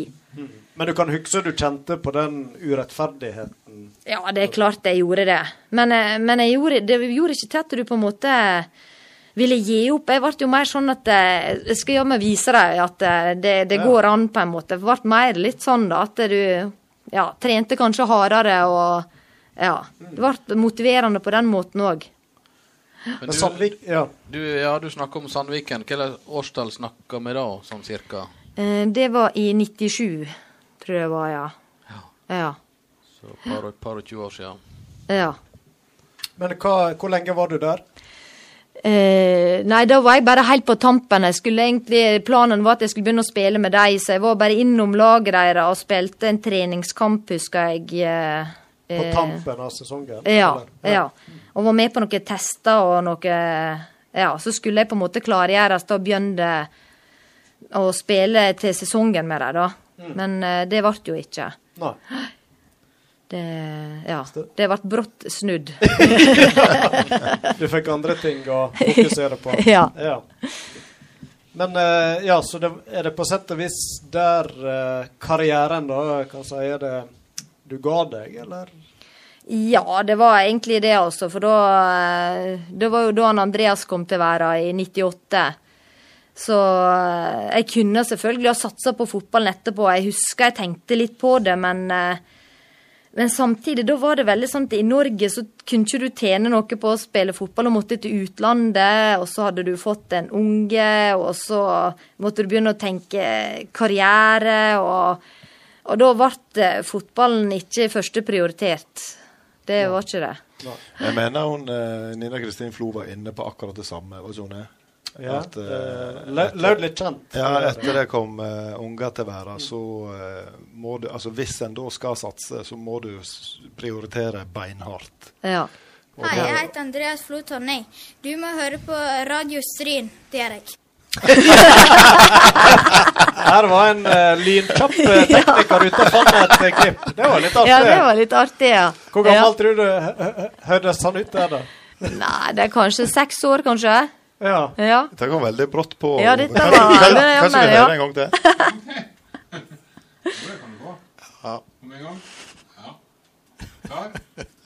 Hei, jeg heter Andreas Flo Tonning. Du må høre på Radio Stryn. Det gjør jeg. Han skjønte det tidlig. Hvor en, Den den, hvor den er litt mye bruka. Ja. Ja. Men uh, det var det jeg tenkte du På sett og vis så ga, ga du deg der, men uh, jeg mener jeg har sett noe fra midten av 2000-tallet at du var nå i ei fotballdrakt igjen. Uh, Ja, jeg har vært inne og spilt litt. Det er jo, det er jo veldig kjekt. og Jeg kjenner jo det kribler jo enda når du ser de spiller på stadion nå. Og, så, ja. Så jeg har vært innom av og til og så spilt litt. eh, har vært med på noen juleturneringer og Ja. sånn i hallen og ja. Så eh, ja, det er ikke helt uh, vekk. Altså, jeg er på plenen og spiller litt med guttene av og til ennå. Ja. Og det er nå litt løye, for alle tror jo at ei jente ikke kan å spille fotball. Men eh, hvor du spilte på banen, hva var liksom styrkene dine? Eh, jeg spilte spiss, Ja. så styrken min var nok det tekniske, at jeg var veldig god teknisk og veldig sterk, men eh, jeg var nok ikke Jeg hadde nok ikke god kondisjon og hurtighet. Det var veldig Hadde jeg hatt det i tillegg, så er jeg helt sikker på at eh, da hadde jeg eh, vært fast på landslaget. Men når vi er inne på fysikken din, så har jeg blitt fortalt ei eh, historie som inneholder deg, eh, Jostein Flo, og en fotball og en fartsmåler. ja. Kan du fortelle den? Vet du hva jeg eh, tenker på? Litt usikker. Det var sikkert noe med skudd, eh, Ja. vil jeg tro, da. Og det var ja. en fartsmåler skulle måle farten på ja, stemmer, ja. Ja, Ja. og der imponerte du litt, tror jeg. Ja, da, det var litt For jeg òg hadde jo gått eh, en god skuddfot. Ja. Det hadde jeg, så Ja, det ble jo Igjen, altså du var, du var jo jente, så det var jo ikke noen som tenkte over at eh, du hadde så god skuddfot. da, Så var det en fartsmåler. Så vi ble oppfordra om å prøve. Så Hvor dette var det? På stadion? her, Ja, jeg tror det var på stadion her i Stryn, ja. Ja. Jeg husker det iallfall at eh, Jeg husker ikke helt hva, hva- resultatet var, men eh, jeg husker iallfall at det var ganske nær han Jostein, at vi lå eh, Historien vil jo ha det til at han måtte til med seks-sju forsøk da, før han klarte å slå deg. Men Ja. eh, dette er fra det er Jeg vet ikke hvor troverdig kilde er. da. Nei, det var det. Det var det. Ja. Vi kan jo si det sånn, Ja. at du Ja. han, eh, ga han en god Ja. match. Birger Flo. Ja. Ja, ja. Han har det med å overdrive litt. Ja. Ja.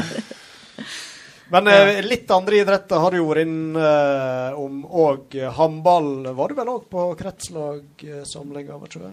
ja, jeg var med på noen eh, Jeg vet, De kaller det vel ikke kretslag i håndball, det er vel litt andre Men jeg var jo med på noe sånn eh, uttak Sonesamling? Ja, ja, jeg vet ikke helt hva det var.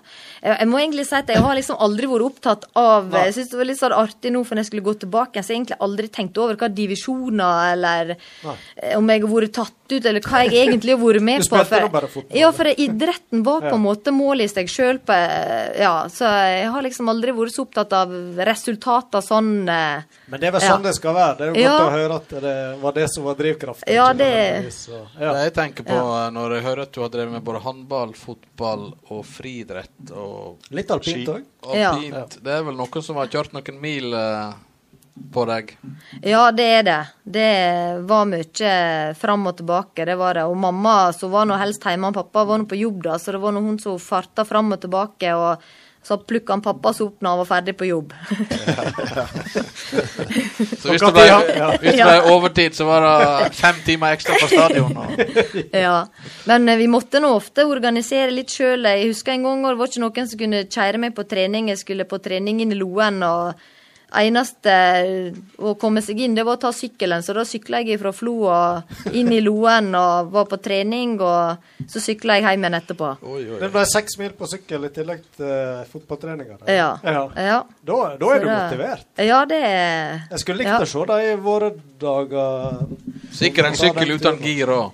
Ja, det tror jeg var sikkert ikke Ja, Nei, ja, gir. sikkert tre gir, ja. Punktert på begge hjul. ja. Veldig moro å mimre litt med deg, eh, Nella Katrin. Eh, Til slutt, eh, er det noe høydepunkt du klarer å dra fram sånn fra disse?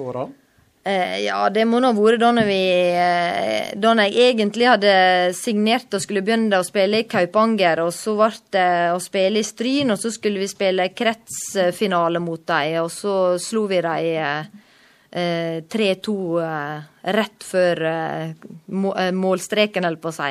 Oi. Før han blåser av. Så skåret jeg siste målet akkurat. Ja. Så det, var, det tror jeg må ha vært høydepunktet. Ja.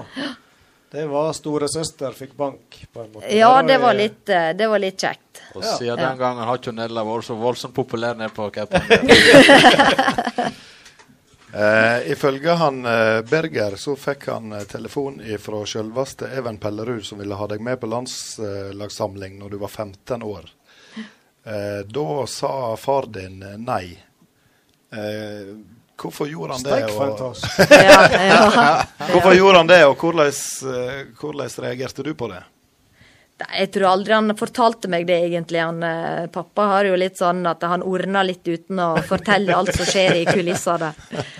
Så, eh, men, men jeg tror at da var jeg egentlig altfor unge, for at eh, ja, jeg var på en måte veldig sånn avhengig av familien rundt meg og trygge rammer, på en måte, for å kunne klare å prestere òg. Så jeg tror nok at han gjorde det rette. Det hadde blitt altfor tidlig å, å reise ut da. Men eh, selvfølgelig hadde du fått et system rundt deg som kunne ha hjulpet deg, så hadde det kanskje Du hadde fått rette grunntreninga og de elementene rundt deg, da. Så det Ja. Det veit man aldri hvor, eh, hvordan det hadde vært da. Men du, er ikke, du er ikke bitter på han Birger den Nei. dag i dag? På Nei, det. nei det, det er mye andre ting. Det er mye før din dag. Ja. Ja.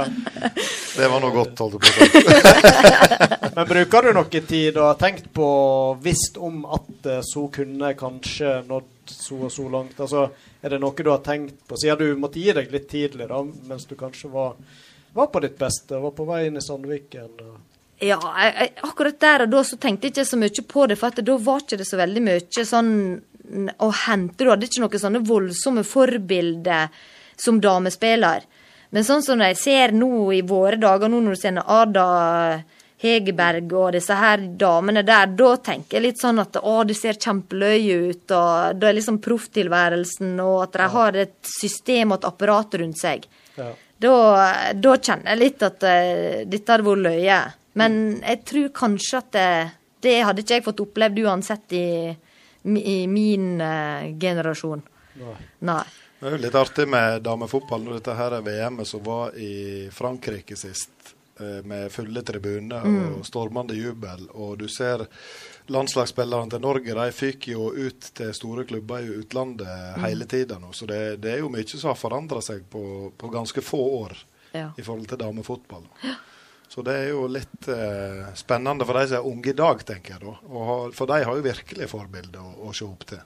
Ja, jeg syns det er veldig kjekt. da. Jeg ser nå bare sånn lokalt òg her i Stryne. Jeg syns det er kjempeartig nå å kan gå ut på stadion og se en damekamp, f.eks. Ja, ikke minst det. Eh, for før var jo det bare A-laget til Stryn at en for og så på, ikke sant. Men jeg syns det er veldig kjekt her òg nå at eh, folk møter opp og faktisk snakker om i bygda at i dag er det damekamp, og at det skjer innen fotballen. og jeg ser jo på jentene nå òg at de er mye tøffere, og, så det er klart det er mye som har skjedd i fotballen, og det syns jeg er veldig kjekt å se. Til slutt, eh, Nella Katrin, har du noe engasjement i idrett i dag, på noe vis? Eh, jeg har jo guttene mine da, som er med på forskjellige ting, men eh, akkurat nå så er ikke jeg med som noe trener. Jeg er mer på sidelinja og heier fram og støtter. Ja, det, så jeg eh, føler meg litt eh, bare som mor akkurat nå. Ja, Ja. og den eh, jobben kan jo Ja. være stor nok i seg sjøl. Ja, absolutt. Det, ja. Kjempeflott. Nei, men Da eh, sier vi tusen takk for veldig hyggelig besøk i Sport on Spa-studio, og at du ville ta tid av en onsdagskveld og mimre litt om hine hårde dager. ja. Takk i likeså. Veldig kjekt.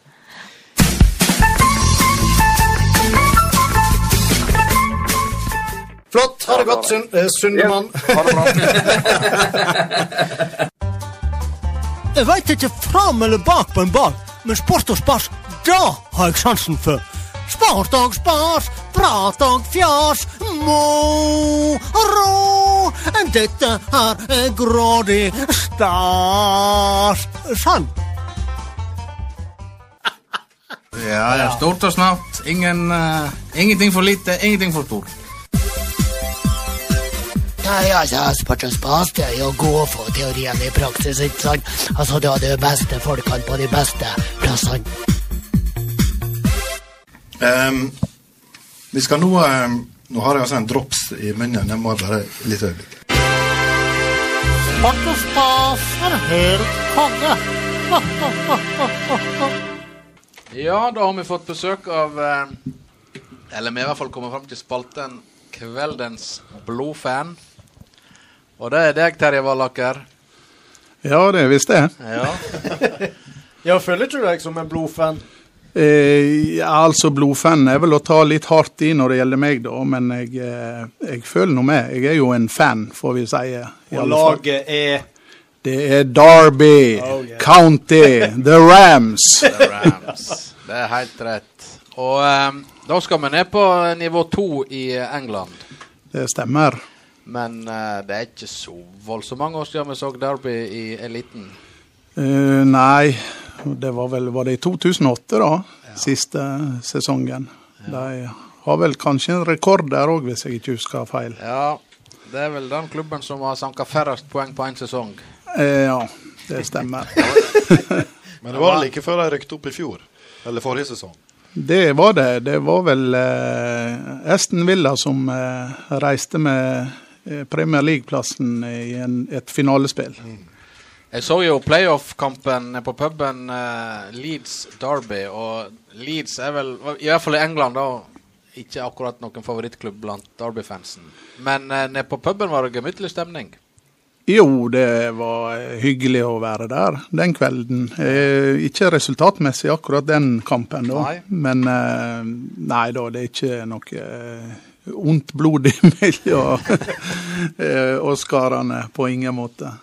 Men noen av dem vi har hatt besøk av her, der virker det jo som Det er ikke liv og død, men eh, det preger dem veldig, de ærlige på. Hvis det er tap og må gjerne bruke et par dager å hente seg inn igjen. Men du er kommet litt forbi det stadiet, er det rett forstått eller? Ja, jeg, eh, det avtar vel litt med året òg, dette her. Eh, Men det er klart, eh, da jeg var yngre og eh, begynte å holde med Derby, så eh, var det noen tøffe tak. Det må jeg si.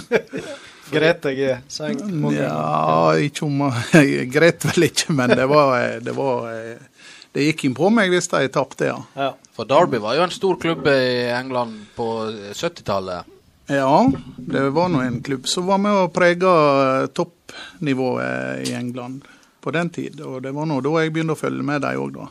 Var det når de vant Texaco Cup i 70, var det da du ble bitt av basillen? Nei, for å si det sånn, eh, ute i Utvik, så, eh, der jeg er oppvoksen, da, så eh, var nå mange av kompisene mine Vi spilte nå fotball alle, og de aller fleste de eh, helt faktisk med Liverpool, Frank. Ja, ja. Positivt. Og da måtte jeg finne en motvekt, jeg. For jeg tykte det ble for kjedelig hvis alle skulle holde med samme klubben. Og så sette meg føre og begynne å se litt tippekamper. Jeg var jo interessert i fotball. Og så så jeg Derby en gang i 74, det er jo 100 år siden, som de sier. Men iallfall da spilte de så fantastisk at da fant jeg ut at der har vi klubben. Ja vel. Hvem det var som var Grom-spillerne da, som imponerte deg? Jeg husker spesielt en som heter Francis Lee. En kjapp eh, spiss. Veldig hurtig. Han var fantastisk eh, god, syns jeg, da. Men de hadde nå flere, da. Eh, De hadde nå eh, en som heter Archie Gemmil og Charlie George. og det, Ja, det var noen typer. Ja, det er gode navn. Men i Stryn er det vel ikke så veldig mange jeg skulle si offisielle Derby-supportere, er det? Nei, eh, altså jeg veit om bare én, og, men han er nå bra kjent i Stryn, da. Til Han, ja, ja, han eh, Torstein Tvinnereim. Og Ja. så veit jeg om en oppe i Sykkylven. så, eh, det, faktisk. Men eh, utover det, da sliter jeg litt, altså. Mø- Møtes dere tre av og til, eller? Vi har ikke gjort det til nå, i den sammenheng iallfall. Så spørs om vi må lage på et møte. Fins det en, en eh, Derby supporterklubb i Norge, vet du det? Det tror jeg det gjør, ja. Men jeg Du er ikke medlem? Nei, jeg er ikke det. Men har du drakta? Jeg hadde håpa du ikke skulle stille det spørsmålet, men jeg har faktisk ikke det, altså. Nei. Det Ingen ikke. effekter? Nei. Eh, det vil si, jeg eh, hadde en bag eh, en gang. og Den er vel det eneste jeg har hatt, tror jeg, av Derby-effekt. Ja vel. Har du vært borte på Nei, Pride Park eller Baseball Ground, som det var, var før? jeg har ikke det heller, dessverre, altså. Da syns jeg du og Ove han har jo aldri vært på kamp heller. Nei, der ser du. Eh, det spørs om ikke vi må, skulle arrangert en tur for uh, For oss eh. Eller ja. så får vi lage et lokalderby. ja. Har du glass? Ja, det var leite etter uh. Ja, ja, ja. Nei, det spørs, det. Ja. Nei, men uh, Derby Nå hadde, jo, uh, hadde de jo Frank Lampard som manager i fjor. Ja. Og Han- det gikk jo rimelig bra. Det gjorde det. Han eh, fikk vel litt sving på sakene.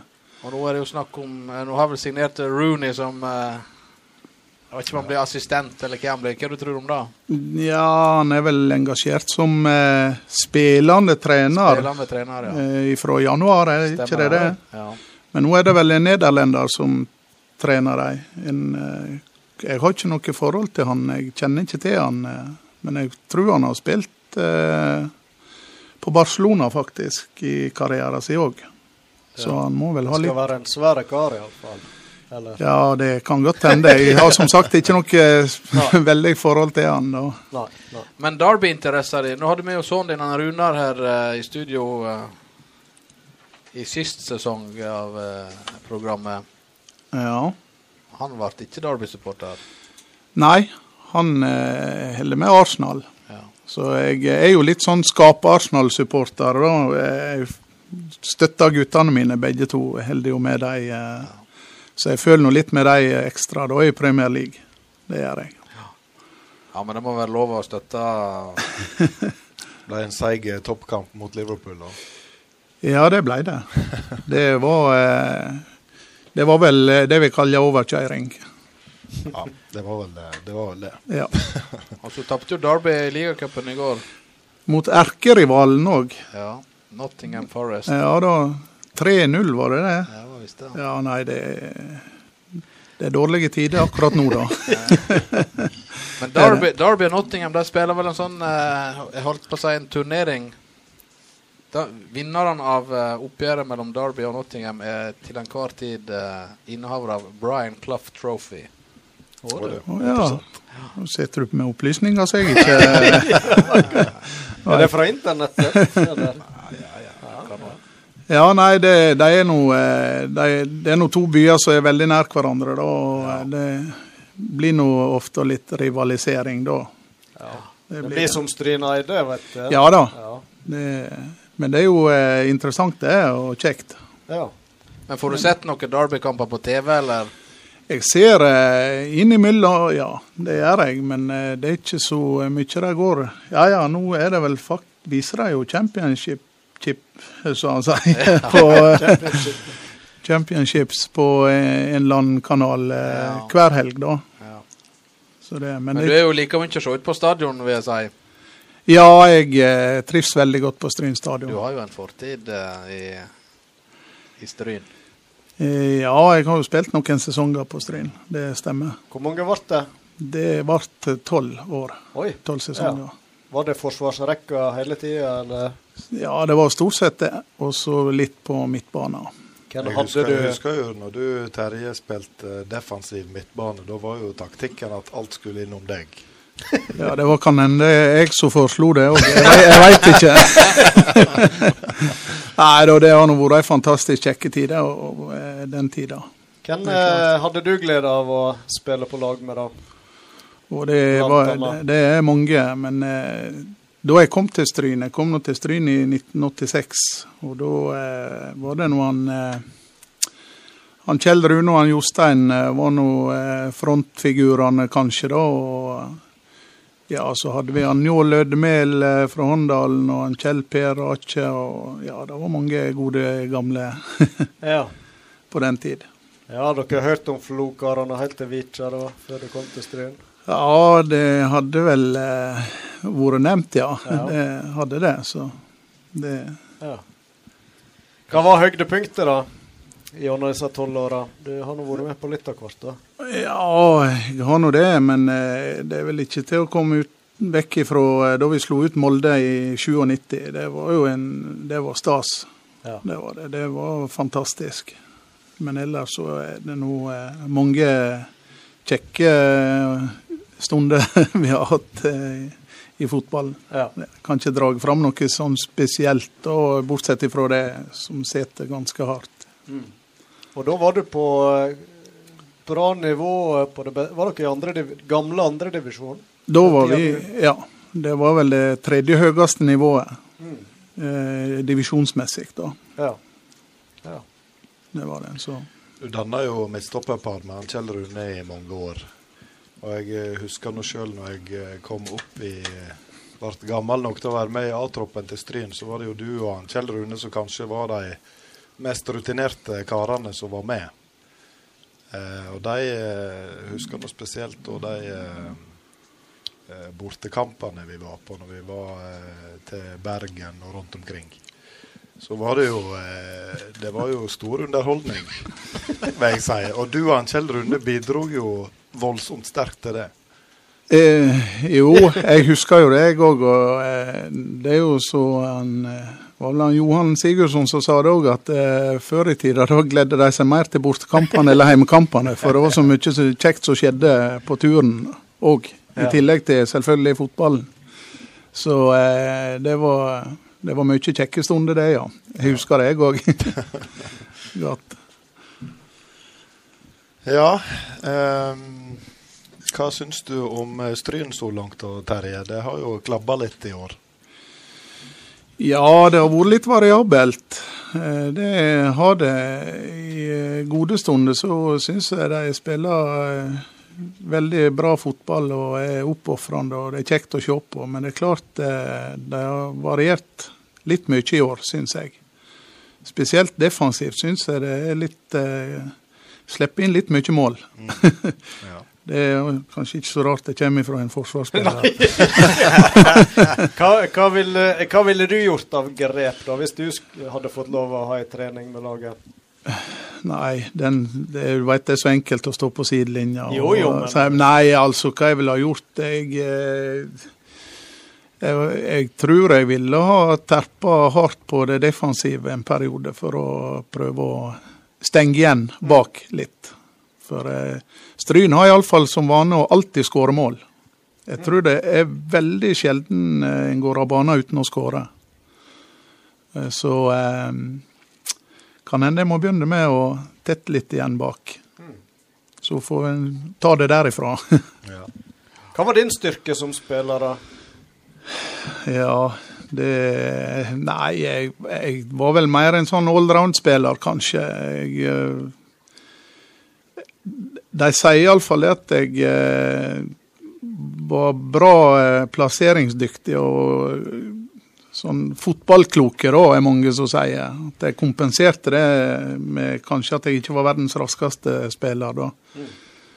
Så eh, Men ellers noe spesielt styrke, veit ikke det. Jeg får ta det kjedelige svaret, det får andre. ikke det det? Men du var var tolv år, du sa, i, i Stryn. Det, Ja. var, det var ikke aktuelt med andre klubber? Eh, nei, jeg, jeg begynte på utdanning eh, etter videregående, og da gikk jeg opp i Ålesund. Og da eh, kunne jeg selvfølgelig eh, sikkert ha prøvd meg både på ÅFK og kanskje Hødd. jeg veit iallfall at Hødd de var vel i nivå to da. Var ute etter meg eh, Eller hadde iallfall snust på meg. er ikke det er ikke det, det de sier? Ja. ja. Og ellers så veit jeg det at eh, Sogndal hadde lyst til å bytte meg med en spiller eh, et år. Eh, Så eh, da, hvis jeg virkelig hadde gått inn for det, så kunne jeg vel kanskje ha spilt eh, noe høyere. Ja. Men var det Kan du huske at du hadde noen ambisjoner, og du Ja, altså Jeg hadde nok sikkert det da jeg eh, var en 16-17 år, eh, kanskje 18 år. Da hadde jeg vel eh, en bra indre dreiv om å prøve å nå langt. Men så begynte jeg som sagt på utdanning, og så fant jeg vel ut at jeg kanskje skulle ha det kjekt med å spille på Stryn og fullføre utdanninga. Så ble det noe sånn, da. Så da var det hjem hver helg, eller enda lenger, for å spille bortekamp av og til? Og, Å ja. ja. Det var mange kilometer vi eh, farta på veiene. Og så eh, Jeg spilte nå på Stryn da jeg var i militæret oppe i Bodø òg. Så eh, da eh, ble det nå å ta fly eh, hjem igjen eh, i, når sesongen begynte, da. Mm. Så det ble en del farting. Skal nå være motivert da, for å helg etter helg, tenker jeg, å ta disse turene. Klart det, men eh, vi hadde det fantastisk kjekt. Det var, eh, det, det var veldig kjekt å spille på Stryn, og en eh, flott gjeng og en kjekk klubb å være i. og Du gledde deg til å eh, være med i gjengen. Så det var jo en motivasjon god nok i seg sjøl. Pluss at eh, nivået fotballmessig var ganske bra, vil jeg påstå. Nå var Frank inne på at du var en viktig miljøskaper i laget. Kan du huske noen du som var liksom eh, denne klovnen, eller som bidro til iallfall god stemning? og... Og ja, her har det vært mange opp gjennom tida, sånn, men eh, første møte med Stryn, så vil jeg nå trekke fram Roald Vallestad. Som en Ja. fantastisk eh, miljøskaper og en eh, god fotballspiller. Og Kjell Rune, selvfølgelig. Han hadde historiene den gang òg, allerede. Ja, han eh, Han eh, går ikke stilt i dørene, han heller. sånn sett, for å si det sånn. Så. Nei da, så eh, Som sagt, en sammensveisa og kjekk gjeng syns jeg det har vært stort sett alle åra jeg har spilt. Og miljøet har vel utrolig mye å si for hva som blir prestert ut på denne banen. Helt klart, det har det. Og sånn så når jeg begynte å spille på Stryn, så var jo de aller, aller fleste spillerne i Stryn. Så vi hadde en veldig sammensveisa gjeng. Eh, tror vi var eh, kjempekompiser, alle som spilte på Stryn. Og eh, gikk i, besøkte hverandre uansett hvem det var da. Ja. Og treningshverdagen var jo veldig god, i og med at vi hadde alle spillerne i Stryn, stort sett. Nå eh, er det nå eh, litt mer eh, Ja, er det nå mye spillere som er i Bergen, og noen har vært i Sogndal opp gjennom tida. og Det er nå naturlig, om at de går videre på skole. Så eh, Og sånn når, og når Derby aldri ringte, så var kanskje Stryn en god plass å være? Ja, det kan du si. ja, nei, eh, som sagt, Stryn har eh, Det er jo klubben min, det. Og eh, jeg er veldig glad i Stryn. Så det det, som du sier, Thomas, det er en, har vært en trygg og god plass å være. Absolutt. Det var jo Derby som var inngangen til denne praten her. Og nå har jeg øvd inn ett spørsmål. da. Jeg er ikke den som sitter på mest sånn fotballkunnskap. Det tar gjerne Thomas og Frank seg av. Men vet du hvem som er mestskårende gjennom historia i, eh, i eh, Derby? På eh, toppnivå? Um, nei, det må jeg uh, si at det, det vet jeg faktisk ikke. Steve Bloomer, har du hørt om Ja, Steven. Er ikke det det? Steven, Er ikke det? ja. Steven Ja, Bloomer, selvfølgelig. Ja, ja, ja. Vet du hvor mange mål han skåret? Sånn røffelig? Mm, eh, Nei. Ikke jeg heller. jeg tror det var vel 300. Ja, sikkert noe sånt. Ja. Liverpool kjøpte jo to spillere fra Derby tidlig 90-tall. Ja, det, er- En landslags... Han var vel landslagskaptein. Det er jo ikke han sett ja ja Nå må jeg tenke meg om. En, Eh. en midtstopper og en spiss kjøpte de. Ja.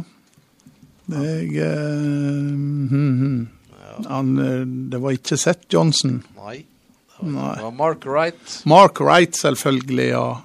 og så en waliser på topp. Dean Saunders. Dean Saunders, ja. Selvfølgelig. Nå eh, Det kommer, Det det kommer fram. Ja, Ja, ja, det stemmer, det. Nei, men det er bra, det. Men det er ikke bare fotball du har vært opptatt av, eh, Terje? Du er Nei. med vinterens mann òg, du? Eller var det? Ja, var kanskje Ja, jeg er jo eh, glad er glad i i snø? Jeg er glad i snø, ja. Ja. Det er jeg. Eh, Iallfall den jeg slipper å måke sjøl. Og rann raskt ned uh, Utviklidene, eller Innvik. Ja, jeg drev jo med alpint eh, faktisk ganske mye da jeg eh, eh, passerte ti-elleve år. Så begynte jeg å eh, bruke mye tid på alpint. Da eh, reiste jeg land og strand rundt på renn og Ja, det var en kjekk, kjekk tid, det òg. Var det noe miljø for det her, eller var det litt sånn uh, Ja, ensamsvarlig område? Eller? Nei, vi var jo litt heldige i Utvik. Det er ikke så, eh, vi har ikke hatt så veldig mange tilbud eh, sånn sett, men vi hadde skitrekk eh, der helt ifra jeg var eh, født omtrent. Og eh, det var ikke så mange plasser rundt omkring i Sogn og Fjordane, så da ble det til at vi eh, heiv oss opp i bakken og begynte å renne alpint og slalåm. Og eh, derav så fatta jeg plutselig ganske bra interesse for det òg. Og gjorde det sånn skapelig bra, jeg skjønte òg. Ja, Iallfall her i fylket. ja, du, her i fylket uh, gjorde nå vel sånn høvelig bra. Jeg ble nå kretsmester to år da, da jeg var 13, og da jeg var 14. Og så ble jeg nå tatt ut til det vi kaller Norgesmesterskapet i aldersbestemt. Da det heter Donald Duck-leikene for uh, 13-14-åringer Ja. nede på Kongsberg. Og så, eh, da jeg var 15-16 år, da eh, ble jeg tatt ut til junior-NM. Ja, men du det, ja. eh, det het vel Coca-Cola-leikene da, Ja. på den tid. Det skulle være på Rjukan, men der fikk jeg ikke være med. For jeg, eh, jeg skulle tøffe meg litt eh, to dager før vi reiste. Og da tok jeg altså skitrekket opp med uten ski. Jeg rende på skoene. Å, du. Det var Ja, lurt. og- ja, det var jo ikke lovlig, men eh, han oppdaget ikke det, han som var heisføreren da. Og så når jeg skulle renne ned igjen på skoene da, og tøffe meg, så eh, greide jeg altså å staure skoene inn i en eh, isklump og, og slo salto, og eh, traff altså, sette staven ned i snøven og, og daska hodet ned i staven, så jeg eh, fikk Fikk et skikkelig blått øye, og det varte i over ei uke. Så jeg så ikke på ene øyet. Så da fikk jeg ikke være med på disse der eh, Coca-Cola-lekene. Og med det tydelestykket uh, måtte du Ja. legge karrieren på hylla, eller? Ja, du kan jo nesten si det, at da var det nesten bråstopp. Nei da, så det var eh, Nei, det var tøft når det sto på, men eh, jeg datt fort ned igjen på jorda. Så sånn var det. ja. Men det var, det var aldri tema å dra den alpintbiten veldig mye videre, eller? Nei, jeg eh, Jeg eh, var Jeg valgte fotballen, for jeg syns faktisk det var eh, kjekkere, da. Rett og slett. Det Ja. var vel det som var grunnen. Det ble rene sånn vassing i arkivet her òg, og Ja. mimring om gode, gode tider som ikke er altfor lenge siden. Men det Ja. Kjekt å mimre litt, er ikke det? Jau da, visst er det kjekt å mimre. Bare en husker det. Ja, Om ikke en husker, så kan en dikte litt. Ja da, det Det går alltid. Prate litt romslig, er ikke Ja. det jeg sier? Ja da. Nei, men uh, Terje, uansett så vi må jo ønske han Terje og Derby lykke, lykke til i inneværende sesong. Og så kan vi godt få dem opp i eh, eliten, Frank. Ja visst kan vi det. Vi må vel så rause. Visst kan vi det. Ja, nei, jeg sier nå takk for det. Det ser ikke så bra ut nå, da. De ligger jo langt nede. De ligger vel eh, på midten eller litt under. Men eh, det kan hende de retter seg når Runi kommer, skal du se. Ja, Han kommer nok til å måke inn noen mål i denne divisjonen der. Det er jeg rimelig sikker på. Ja, det tror nok jeg òg at han gjør. Men da ønsker vi ja, Derby lykke til med det. Og så satser vi òg på at Stryn ikke minst skal klare å snu litt sånn dårlig trend nå. Og denne sangen den har du sikkert varma opp til. Mange ganger. La oss nyte. Fotballaget til fra hovedstaden Stryn. De gjør kjempebra med foten over hodet. Og kan springe att og fram som olja lyn. SDOI, Stryn deg beste. Best uten tvil, banker deg fleste.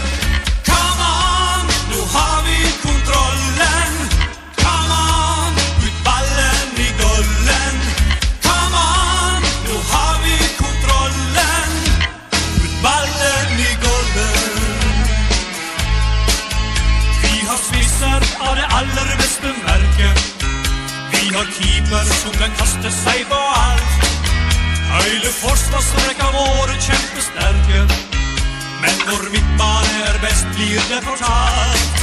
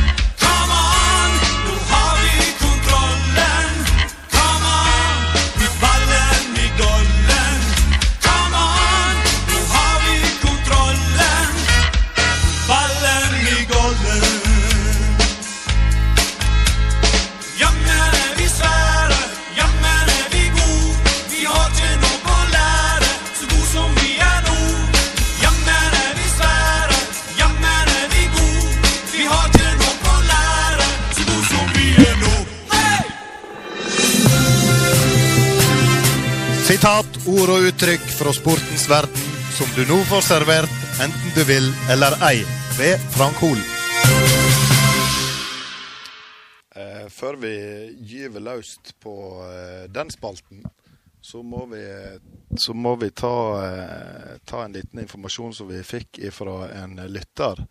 Så eh, informerer oss da om at han, eh, Terje Valaker faktisk var den første fotballspilleren i Sogn og Fjordane det ble betalt overgangssum for.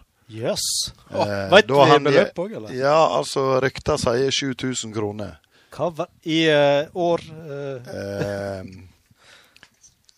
86. Det var mye penger, det. Fra Sandane til Stryn for 7000 kroner. Fantastisk. Ei kjempeinvestering, vil jeg si, av Stryn fotball.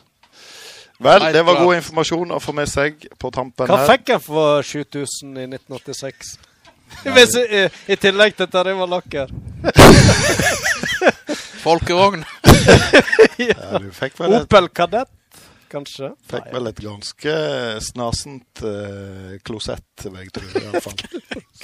Noe sånt. Jeg vet ikke. Yes, det var en såkalt digresjon. Det var det, men en viktig en. Ja. Uh, I dag tar vi for oss et, uh, et ord som heter baluba. Baluba. Baluba. Og nå Det er, har med ball å gjøre, regner jeg med. Ball. Ja, Taule, har du noen assosiasjoner? assosiasjoner? Her blir det baluba, her blir det liv, her blir det røre, her Ja. blir det tjo og hei. Ja. Ikke sant? Men litt Eh, sånn negativt ladd. Eller baluba, er det det? At det blir baluba? Det Er ikke litt sånn eh, Det er ikke bare bra. Det får vi vite nå. Ja. Jeg har da alliert meg med min gode venn språkrådet.no. Og der står det følgende. I Tanums store rettskrivingsbok står det at baluba er navnet på en afrikansk stamme. Det dreier seg om luba-folket i den demokratiske republikken Kongo. I begynnelsen av 1960-åra var media eh, fulle av nytt om stridene i Kongo. Eh, størst inntrykk gjorde det kan hende da FNs generalsekretær Dag Hammarskjöld i 1961 døde i en flystyrt i Kongo under mystiske omstendigheter. Mye av striden dreide seg om provinsen Katanga, eh, som du, Roy Aron, selvfølgelig har hørt om før. Ja, ja. Der luba-folket sto sterkt, eller baluba-stammene, som det gjerne heter i avisene. Da ni irske FN-soldater ble drepne av balubaer, gikk A. Baluba eller baluba inn i irsk-engelsk slang som et skjellsord. I tillegg fikk engelsk eh, ordlaget 'to go balubas'. Eh, balubas finnes det òg i svensk i ymse tydinger. Eh, men virkelig vill eller full baluba er norsk truleg aleine om. Så det var eh, forklaringa bak eh, ordet baluba. Men, da kan vi vel eh, eh, i høyeste grad si den er litt negativt ladd, Ja. den balubaen. Men Frank, Ja, det kan vi hvordan kommer middelalderen inn her? Nei, nå eh, tenker jeg det at vi må spre det litt. Så den, den gangen her så konsentrerte jeg meg om Afrika og republikken Kongo. Ja, men det er greit, det. Så hvis du kan akseptere det for den gangen her, Ja. Thomas, så kan Ja vi heller komme tilbake til middelalderen om 14 dager. Eller ved et seinere høve. Det er jo ny sesong og lov å tenke litt uh, nytt òg, så det er jo ikke nødvendigvis middelalder eh, vi trenger. Nå har tekniker Årskog gravd litt i uh, problemstillinga vi hadde i stad om hva vi får for 7000 kroner i 1986. Det er nesten to kjøleskap. Men sånn sett var jo kjøleskapene forholdsmessig dyre på 80-tallet, da. Vi får jo det i dag òg. Nå får vi tre.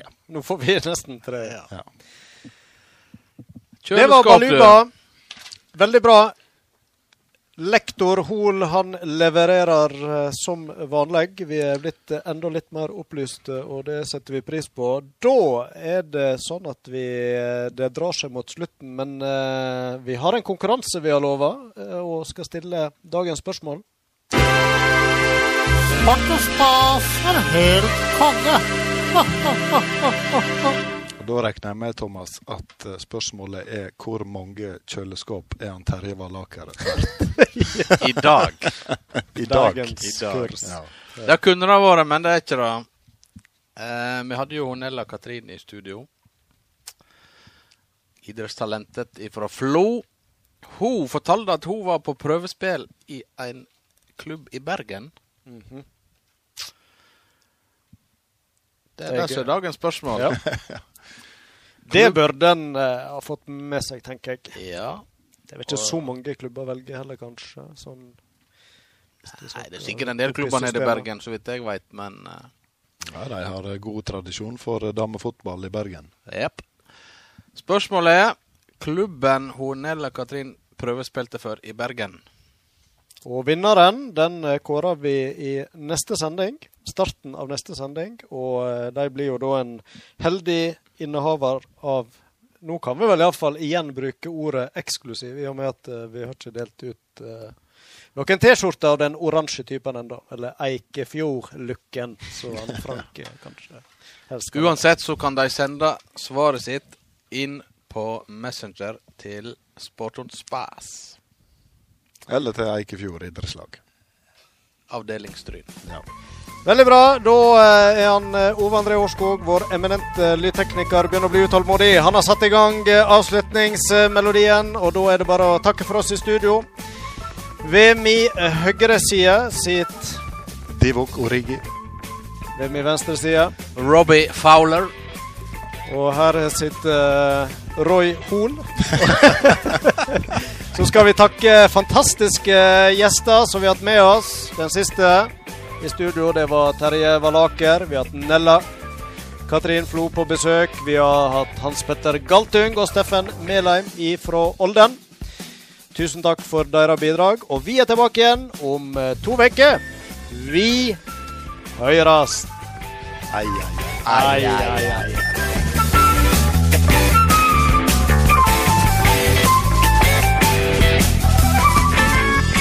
har de endelig hørt meg og mase midt om plass. I eksklusive kretser hjå radiosportons bass. Her sit eg stram og slank blant FM-bandets kongar, Roy Thomas og han Frank.